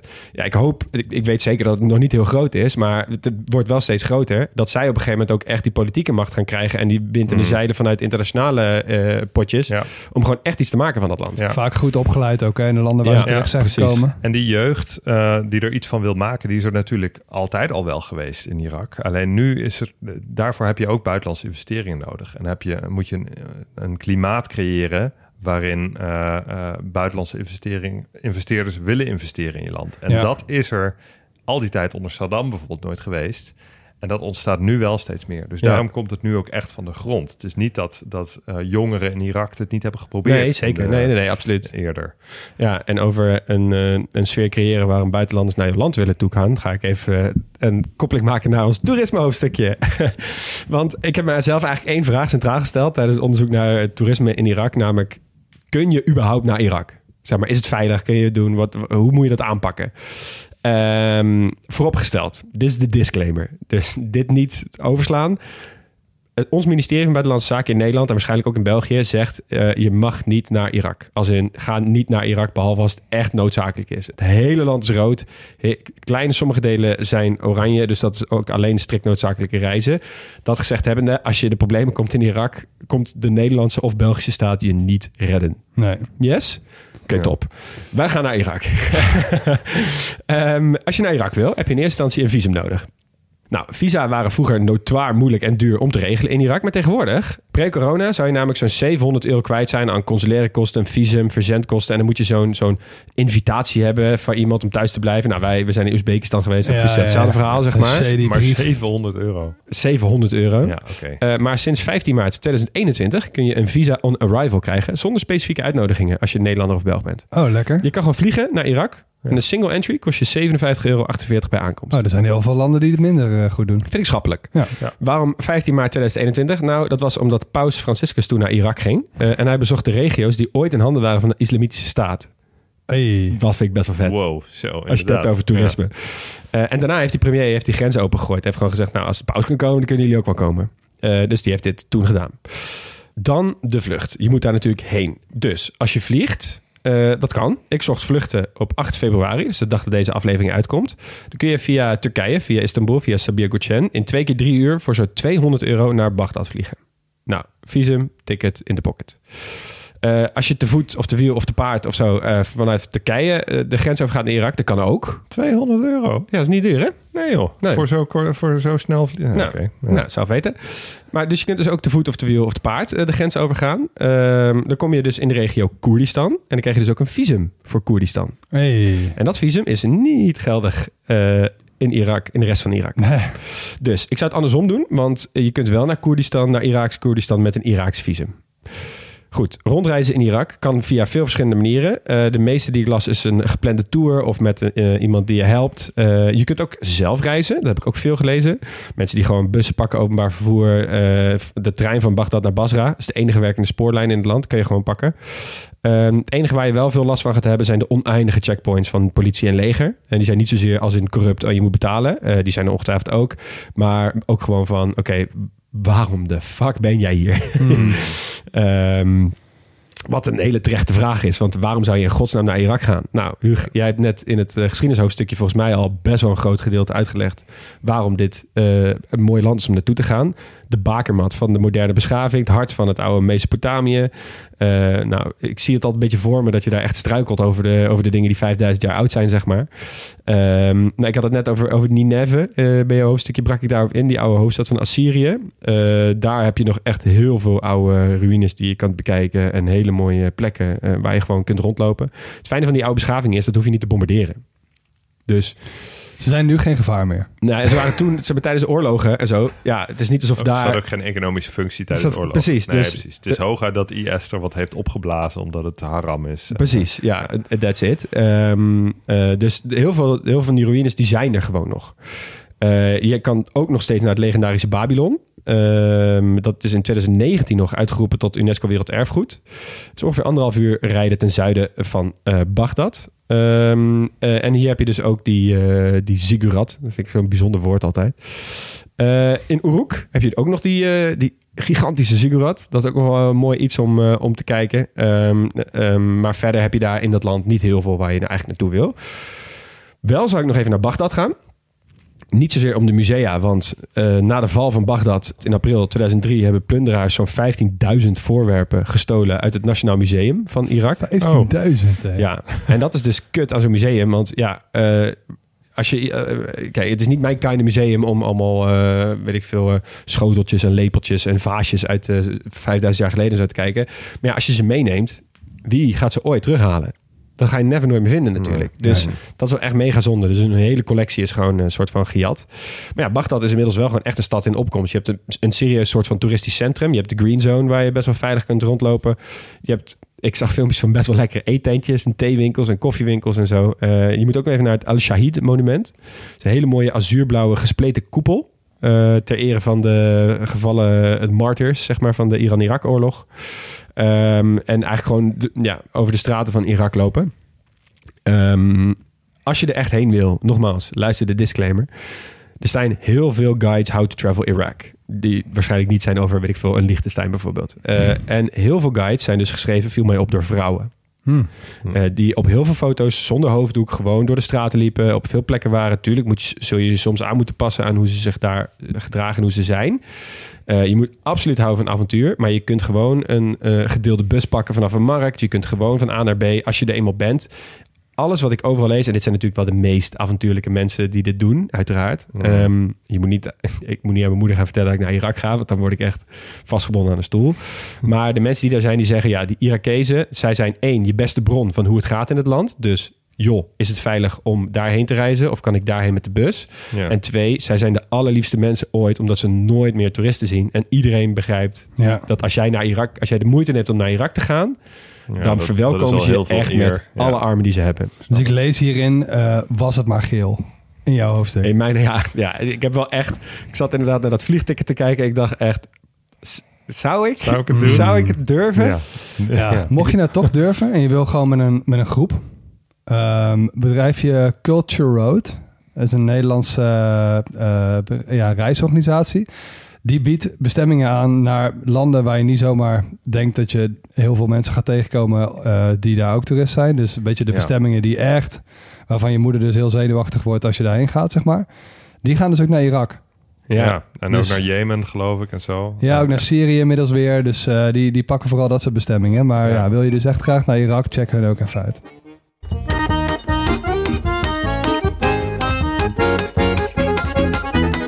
Nou, kunst. En eh, het is tijd om wat moois van Irak te gaan laten zien. En niet alleen eh, in het kunsthoofdstukje. Ik ga er ook vanuit dat jullie qua sport en qua eh, keuken ook een heleboel mooie dingen hebben. Zeker. Dus we laten een klein beetje de oorlog achter ons. Maar niet voordat ik een van de beste docu-series heb getipt die ik ooit gezien heb. Once Upon a Time in Iraq. Krijgt ook een 9 op IMDb. Oh. Een 9. Eh, het is een docu-serie, een miniserie van zes afleveringen in chronologische volgorde. Eh, werd uitgezonden in 2020. Dus eigenlijk alles vanaf de inval van Amerika in 2003. Eigenlijk alles vanaf 9-11. Zo kun je het een beetje zien. En wat mij is, ehm, is bijgebleven van die docu-serie... is dat ze zoveel verschillende mensen aan het woord lieten. Dus ex-militairen, gewoon Amerikanen. Eh, maar ook echt bevelhebbers in het leger, Irakese burgers, militaire adviseur van Saddam komt nog langs, Journalisten. journalisten ehm, en ook gewoon mensen die openlijk vertellen van, eh, over de trauma's die ze hebben opgelopen, ehm, over hun gruwelen die ze hebben gezien en, eh, en gedaan hebben, eh, begaan hebben dus. Ehm, en ik herinner me dus echt dat ze precies op het goede moment heel erg inzoomen op bepaalde dingen en heel erg uitzoomen van waarom de fuck zijn we hier eigenlijk. En er zit heel veel geopolitiek in. En met dus een hele gedetailleerde beschrijving ook gewoon van de bestorming van zo'n dorp. Hè, van Ja. hoe gaat het nou in zijn werk. Eh, ik vond het echt een hele goede docu-serie. Ja, Max, wij hebben hem samen gekeken. Ehm, ik weet nog dat ik hem startte en dacht van... oh ja, dit zal alweer een of andere ehm, whitewashing-achtige documentaire zijn. Van ja, dit is de hele reden waarom we er waren. Maar Ja. toen had ik hem echt nog geen seconde in verdiept. En het is van de BBC. En wat zij heel goed hebben gedaan, wat jij ook terecht zei... is dat ze zoveel mensen aan het woord hebben gelaten... maar niemand die politiek eh, belang had bij, Nee, klopt. eh, bij die hele oorlog. Dus ze hebben niemand van zowel Irakese, Britse of Amerikaanse eh, zijde aan het woord gelaten die iets kon zeggen over. Ja, maar je begrijpt dan toch wel dat we daarom Irak zijn binnengevallen. En dat liet Ja. zo'n rauw en oprecht beeld zien van die oorlog. Dat ik echt, ik zat daar te kijken en ik dacht echt, wauw, dit is los van zeg maar het verhaal, is dit zo. Eigenlijk, dit, dit zou je gewoon uit moeten zenden op elke middelbare school bij de geschiedenisles. Ja. zeg maar. Hoezo hebben jullie het samen gekeken? Waar was ik? Ja, we hadden ooit zo'n docu-clubje, maar daar was jij niet voor Was ik niet, eh, niet Nee, nee, jammer. Maar goed, eh, Ja, ik raad je ten zeerste aan om die even te gaan kijken. Thuis. Ja, Ja, het is echt, ik het geeft zeker een goede doen. Ga ik inkijk in lekker alleen eh, onder mijn dekentje doen. Ja. Zonder jullie. Ja, mag. veel- Laat even weten hoe het was. Dan eh, even de Irakese kunstwereld. En je hoort, we gaan nu echt eh, de oorlog grotendeels achter ons laten. Die is echt gigantisch, die kunstwereld. En dus ook nog wel nu. En dat vond ik heel mooi ook, wat je op een gegeven moment over die economie zei. Dat er dus nu heel veel mensen ehm, weer proberen van onderuit die economie juist weer te stuwen met nieuwe dingen. Dat is met kunst dus ook heel erg zo.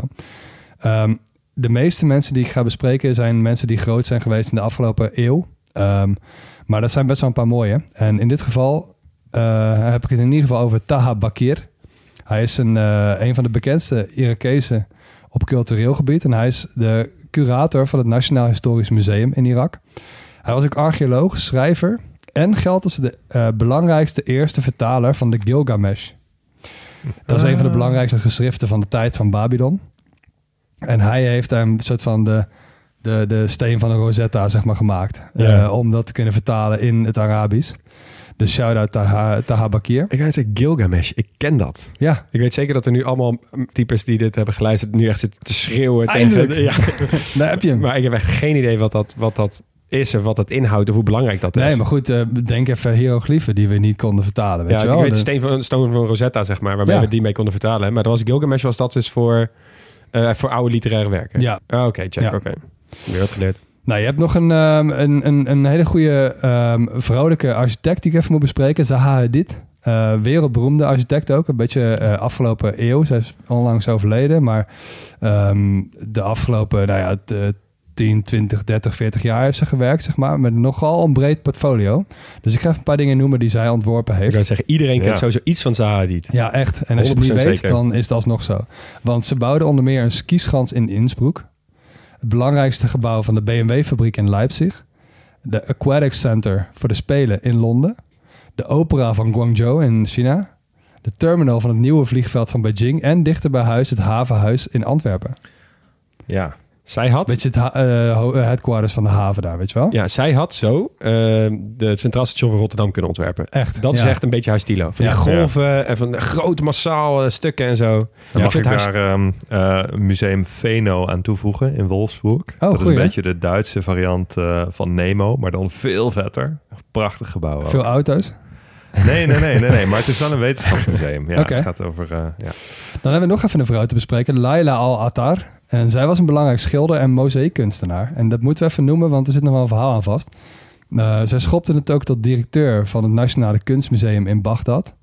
Eh, je hoort, hè, ze, ze hebben heel veel, het is echt een rijke museumwereld ook in, in Irak. Ja, ze hadden genoeg om op te slaan.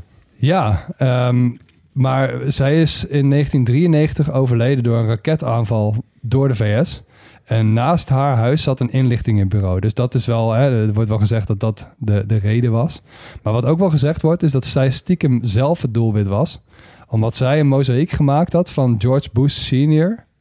Die had ze ontworpen op de vloer van een hotel. Dat op zijn zachtst gezegd niet heel mooi was. Dat, ja, en dat mozaïek. op de vloer. Want Ja. iedereen kan nog die beelden herinneren. Wat is namelijk het, het, eh, een van de grootste beledigingen die je kan doen in de Arabische wereld, in ieder geval in Irak? Ja, Ja. Dat is namelijk een schoenzool laten zien of gooien. precies. Dus het idee van die mozaïek was dus ook dat niemand in het hotel, waar dus alle buitenlanders eh, verbleven in Bagdad, het hotel kon binnenlopen zonder op zijn gezicht te staan. Oh, dus dat is een hele Dit mooie is knip. Zo goed. Ja, en daarvan wordt weer dus gezegd dat dat mozaïek stukjes van haar huis in, in zich had. Dat eerder vernield was door een ander bombardement. Dus het is echt super duister. Oké. Ehm mozaïek is trouwens gesloopt bij de invasie van 2003. Maar goed, Oh, dit is, is echt een, een heel verhaal aan vast. Ja. Zielig Amerikanen ook. hè. Dan, ehm, in Irak zit een hele mooie link tussen poëzie en muziek. En eh, qua Arabische dichters is Irak echt de top of the bill. Altijd geweest ook. Dus je hebt mensen als Jamil Sidki al-Zahawi, Maruf al-Rusavi en Muhammad Mahdi al-Jawahiri. Zo, lekker bezig, Max. Die, eh, die komen uit de lage, late 19e eeuw en begin 20e eeuw en behoren echt tot de grootste aller tijden. En wat mooi is, het is ook gelinkt met de muziek. Want de beste muziekstroming die Irak ehm, uit zich voort laat komen, en dat is een beetje in de eh, context ook van die, van die poëzie, is de makam. En dat laat zich best beschrijven als een soort van kanon van vastgelegde melodieën. Dus die makam die verzorgt de melodieën en de poëzie de bijpassende tekst. Oké. Het is een. En wie het beste dat in de praktijk, eh, praktijk heeft gebracht, ik laat er even twee horen. Als je heel dicht bij de basis blijft van hoe het moet zijn, heb je aan Farida Mohammed Ali wel een mooie. Eh, dat is echt een hele grote. En ik vond een live optreden van haar in de Tivoli met de makam Shakiri Rast.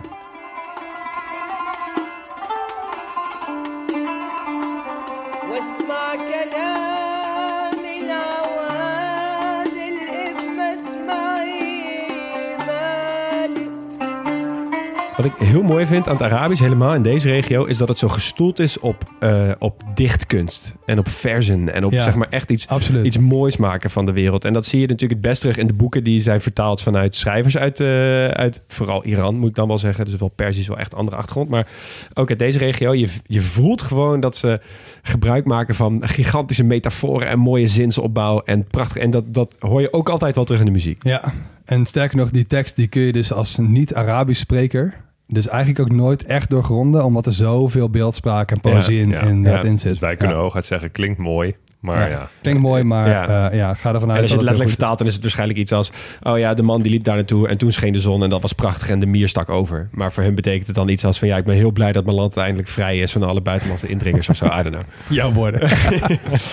Iemand die wat meer ehm, eh, popmuziek heeft verwerkt in, dus, in die poëzie... eh, is een tip die ik dus kreeg van die luisteraar. Check even sowieso, zei die Kadim al-Sahir. Hij zou, en ja, de, hij zei, de keizer van de Arabische muziek worden genoemd, dus ik zoeken. Eh, kwam op zijn wiki en er stond, zijn fans noemen hem de Caesar van de Arabische wereld Oh. en de Iraakse ambassadeur van de wereld. Toen dacht ik, oké, daar gaan we even wat nummers van laten horen. Ehm, hij treedt echt meestal op met hele orkesten waar alle Arabische instrumenten langskomen die wij ooit eerder in eh, afleveringen hebben besproken. En het mooie is dus ook dat die Irakese beschaving zo oud is dat die instrumenten daar waarschijnlijk ook vandaan komen. oh, dus het is gewoon een soort andere Rieu. Nogmaals, Versie jouw van- woorden. Oké. Maar wat wel chill is dat, eh, voor hem, is dat echt overal ter wereld wel een Arabische minderheid woont. Best een grote me- meestal ook. Dus die heeft echt opgetreden in de Royal Albert Theatre in, eh, in Londen. De Sydney Opera House en zo. En zijn clips zijn ook echt halve speelfilms. Echt overal geschoten. Vet. We luisteren hier naar het nummer Anna wa Laila. غرست كفك تكتفين أوردتي Ik zie dit al voor me inderdaad, dat het wordt opgevoerd in een groot amfitheater of zo. Met, met enorme decorstukken. Ja. eh, Zo'n heel orkest dus. Het is heel filmisch inderdaad. Dus. Ja, oké, nou ja. Wederom fair, jouw fair point. Hij maakte in 2004 ook nog een hit met Lenny Kravitz. Oh. Huh? Heel gek. Tegen de oorlog. Eh, en het nummer heet ook We Want Peace. En je hoort dus in dit geval eerst Lenny Kravitz en dan Kadim El-Sahir.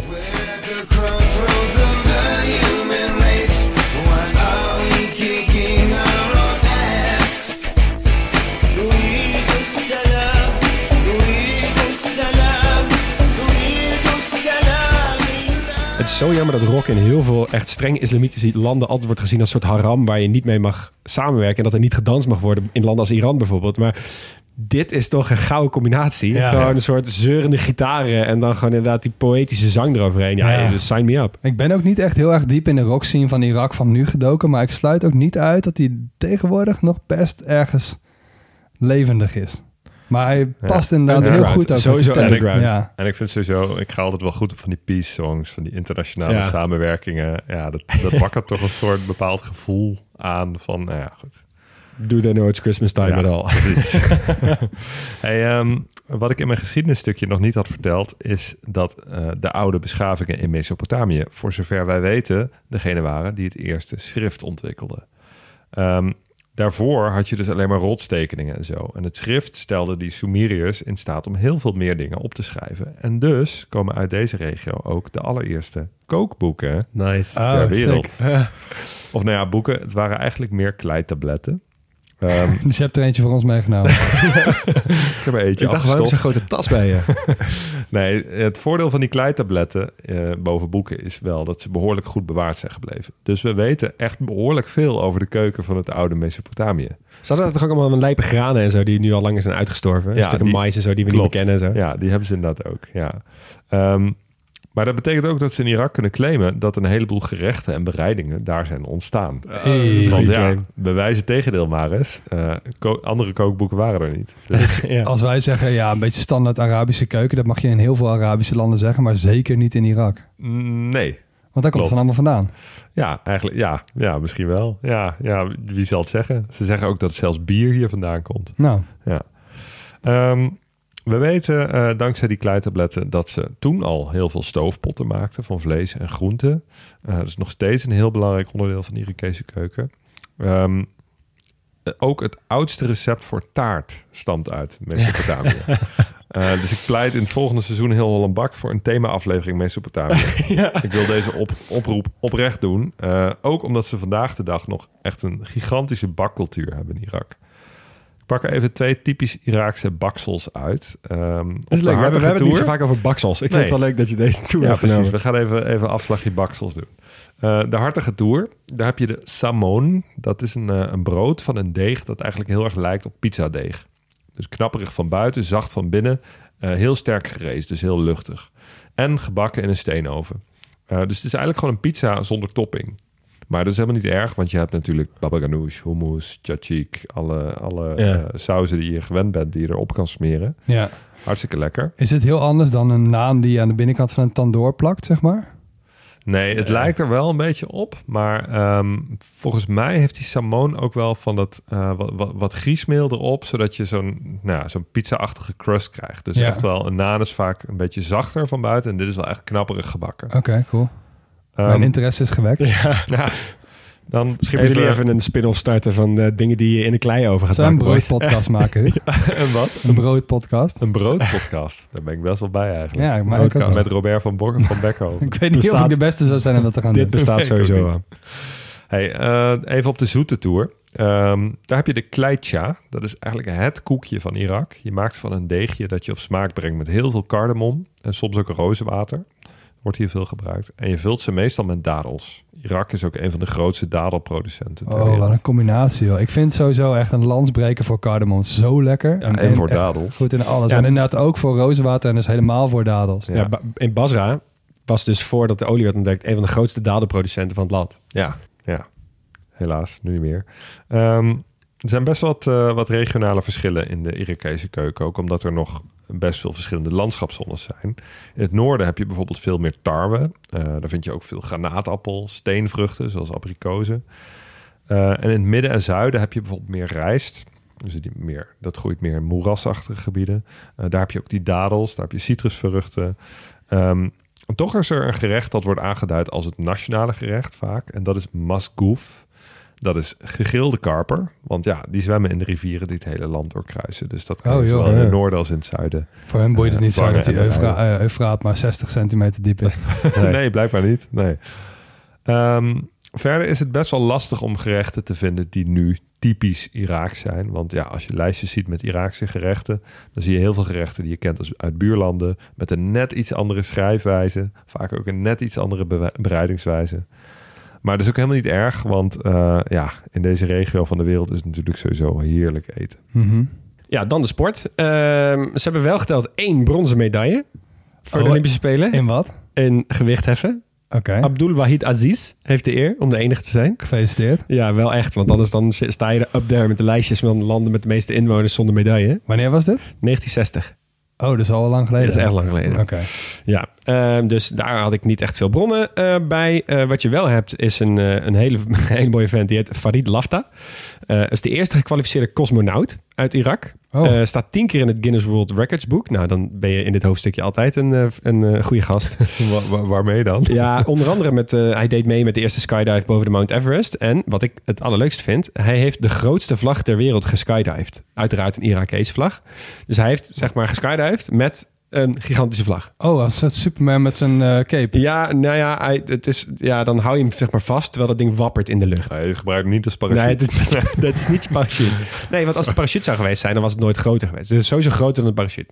Ah, oké. Ja, dus eh, dat is, en hij, hij is echt zo'n, eh, hij heeft gezegd, ik wil de Yuri Gagarin of Neil Armstrong van Irak worden. Eh, hij wil ook heel graag, geen gebrek. nee, hij wil ook heel graag de ruimte in en zo. En hij heeft ook echt vet volgers op Instagram, waarbij hij nog steeds allemaal eh lijpe dingen laat zien. Nou goed, mooi vent in ieder geval. Eh, dan, ja, ergens moet ik dit ooit een keer vertellen, maar kennen jullie het verhaal van de Strava Heatmap uit 2018? Ja, ik denk het wel. Strava kennen jullie toch? Voor de mensen die het niet kennen, Strava is die app waarin je ja, je hardloopsessies of je wielrensessies eh, bijhoudt. Eh, maar wat ze ook hebben is een heatmap. Dus daarbij laat ze zien, oké, eh, je kan zien hoe vaak iets gefietst of ge hard gelopen is. En hoe meer het is gewandeld of gefietst, hoe roder het wordt. En ze hadden de Wereld Heatmap in 2018 gelanceerd, waarop je dus kon zien van alle mensen die Strava deden, want toen deden we nog niet zo moeilijk over privacy en zo, was alles gewoon openbaar. Kon je dus gewoon zien overal waar mensen rondjes hadden gelopen en dingen hadden gefietst. Ook op die basis. Ook op die, al die Amerikaanse basissen in Jemen en in Irak en Somalië en zo en Djibouti. Dan kon je gewoon zien, oh ja, hier hebben ze allemaal rondjes gelopen. Want die militairen die gaan natuurlijk altijd rondjes hardlopen. En dat houden ze wel bij op hun Strava. Ja. Ja. En toen staat het in één keer volle bak op hun Strava profiel. En daarmee dus ook op de heatmap. Er was dus ook in Irak vet veel. Ja. nagaan dat dus vijanden misschien wel gewoon eh, eh, daar kaarten van kunnen maken van welke gebouwen zitten waar. Ja, ja, maar daarom. Ja, dat- maar en echt toen was ook je ziet precies waar alle Amerikanen zitten. Ja, en toen had zeg maar de Strava ehm, eh, woordvoerder of baas, whatever, die had gereageerd ook zo van... Allemaal echt vet veel kritiek op Strava dat ze dit hadden gelanceerd. En, en zijn reactie was, ja, dan moeten ze maar gewoon geen Strava gebruiken, toch? Ja, enough. dat is waar. Ja, het zal wel ergens in de voorwaarden hebben gestaan. ja, precies. Ehm, nou, dan wil ik afsluiten met een bitterzoet verhaal over uiteraard voetbal. Ehm het Irakese team is niet per se iets over naar huis te schrijven. Eh, wij hebben er wel ooit een keer nog van kunnen genieten als Nederland. Oh. Met één trainer. Oh. Eh, Leo Beenhakker? Nee, Eh Arie Haan of zo? nee, Zitten we warm? nee. Ja, wel zo is het wel die generatie, zeg maar. Dikkie advocaat? Dikkie advocaat. Heeft Hij hij ook in Irak gezeten? wel ja? geteld eh, zes eh potten voetbal. Maar het waren Toen wel leuke eh, zes eruit. wedstrijden. Oh. Er waren wel zes hele leuke Dat je wedstrijden. na zes wedstrijden dik advocaat eruit schopt van je bent niet goed genoeg voor ons Irakese elftal. Nee, ja, dat was het ongeveer. En samen met Dick Advocaat waren onder andere Korpot en Petrovic mee. Oh? Dus dat- Oh ja. Ja. Ja. die neemt hij vaak mee. Ja, die neemt vaak mee. Dus hij is, eh eh, Zelkjo is zelf ook nog eh, eh, bondscoach geweest daar. Dat was heel gezellig. Maar eh, dat verhaal wilde ik niet vertellen. Dit was gewoon meer, omdat anders krijgen we 100 miljoen berichten van mensen die zeggen... Ja, wist je dat Dick Advocaat ook trainer was geweest in Irak? Ja, dat Ja. weten we bij deze. Ehm, weet je wat de bijnaam is van het Irakese voetbalelftal? Eh, de goddelijke oliebronnen. Je komt een soort... nee, nee, nee. Dat zou wel goed zijn. Het is de leeuwen van Mesopotamië. Oh ja, weer mooi. leeuwen. Natuurlijk. Goed, ze hadden zich in 2007, nou jullie weten inmiddels wat voor jaar het was in 2007 in Irak, eh, geplaatst voor de Azië Cup.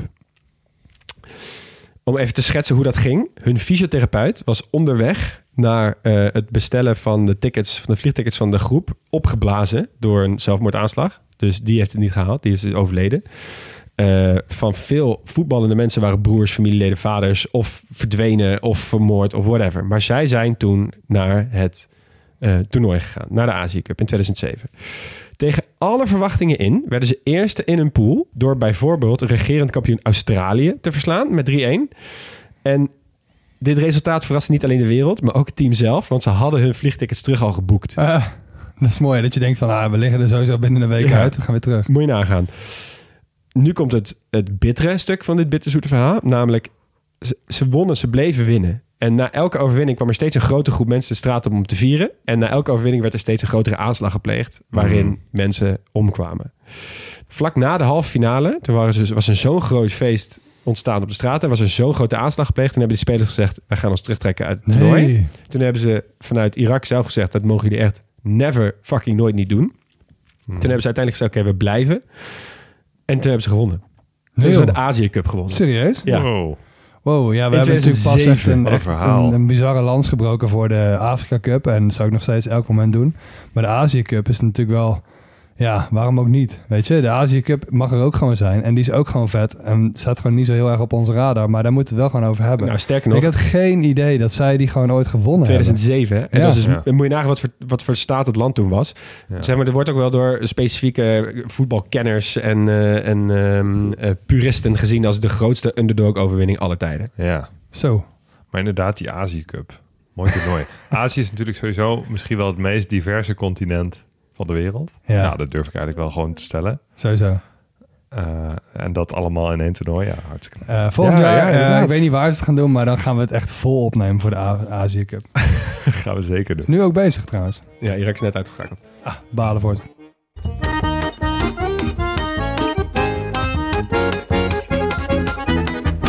Oké, eh, dit land hè, Irak, wat maakt het uniek? Ja, ik, ik ga eh, gewoon op Mesopotamië zitten. Ja, Dus dit, eh, dit is de plek, hè? Dit is de plek waar het allemaal is begonnen. ja. Ja. Weet je wat ik lijp vind? Dat dat dus heeft kunnen ontstaan door die twee rivieren. Dat die dus de eerste plekken zijn die dus nu ook bijna onleefbaar gaan worden. Omdat het gewoon zoveel droger wordt en zo. En dat tegelijkertijd jij mij terloops even vertelt dat Bagdad in 2135 miljoen inwoners heeft. Ja. Hoe fuck gaan ze dat doen? Ja, Ja. grote vraag. Goeie Ja, vraag. logisch nee, wel goede ergens. Maar eh, ja, daar zit ik wel een beetje op te denken van... wordt dit ook de plek waar het ook een ondergang gaat beleven of niet? Maar nou ja, anyways. eh, het lijkt er ook Nee, wel weer ergens op dat in recente tijd... dat ze de weg naar boven wel een beetje gevonden hebben. En dat vind ik wel je echt zou zeggen super dat chill die, voor dat Irak. ze die Ja. ondergang misschien wel achter zich hebben. Hopelijk, voor het grootste deel. Ja.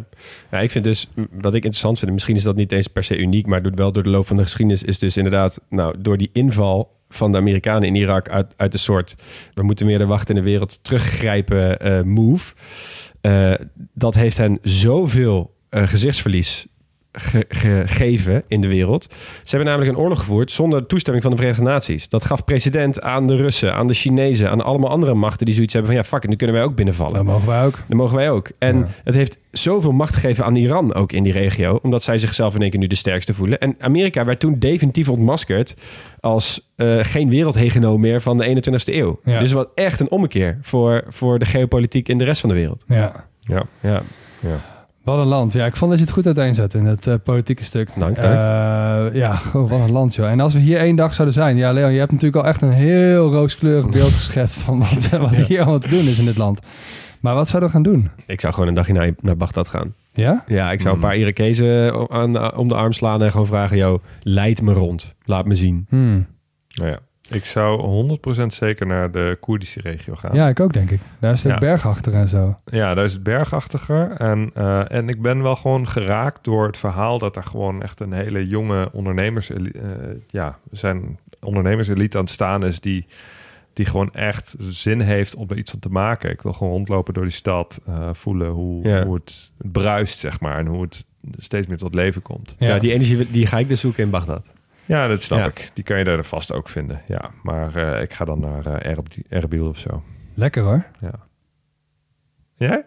Jij, gaat- jij gaat mee? Ja, Met ik ga al een beetje mee. Ja, top. waarom niet? Nou, super. Luisteraar, bedankt. Je hebt, eh, je hebt hem uitgezeten. De lange zit die Irak terecht was. Eh, heel erg bedankt dat je luisterde naar dit hoofdstuk van de grote podcastlas. Je hoorde vanuit de huiskamerstudio in Utrecht Leon Boelis, Max Gertsen en Hugo Noordman. En Jonas van Impe die heeft alles weer lekker ingemixt. En we zijn nooit volledig wel origineel. Zeker vandaag. En zeker vandaag ook geen experts, maar wel liefhebbers. Laat ons weten als we iets verkeerd hebben gezegd of iets zijn vergeten via Twitter of Instagram op @grotepodcastlas en kijk op de website grotepodcastlas.nl. Volgende week is het weer tijd voor een special. Dan ontvangen we namelijk Karel van Oosterom, de enige levende Nederlander die ooit in de VN-veiligheidsraad heeft gezeten. Oeh, massalame.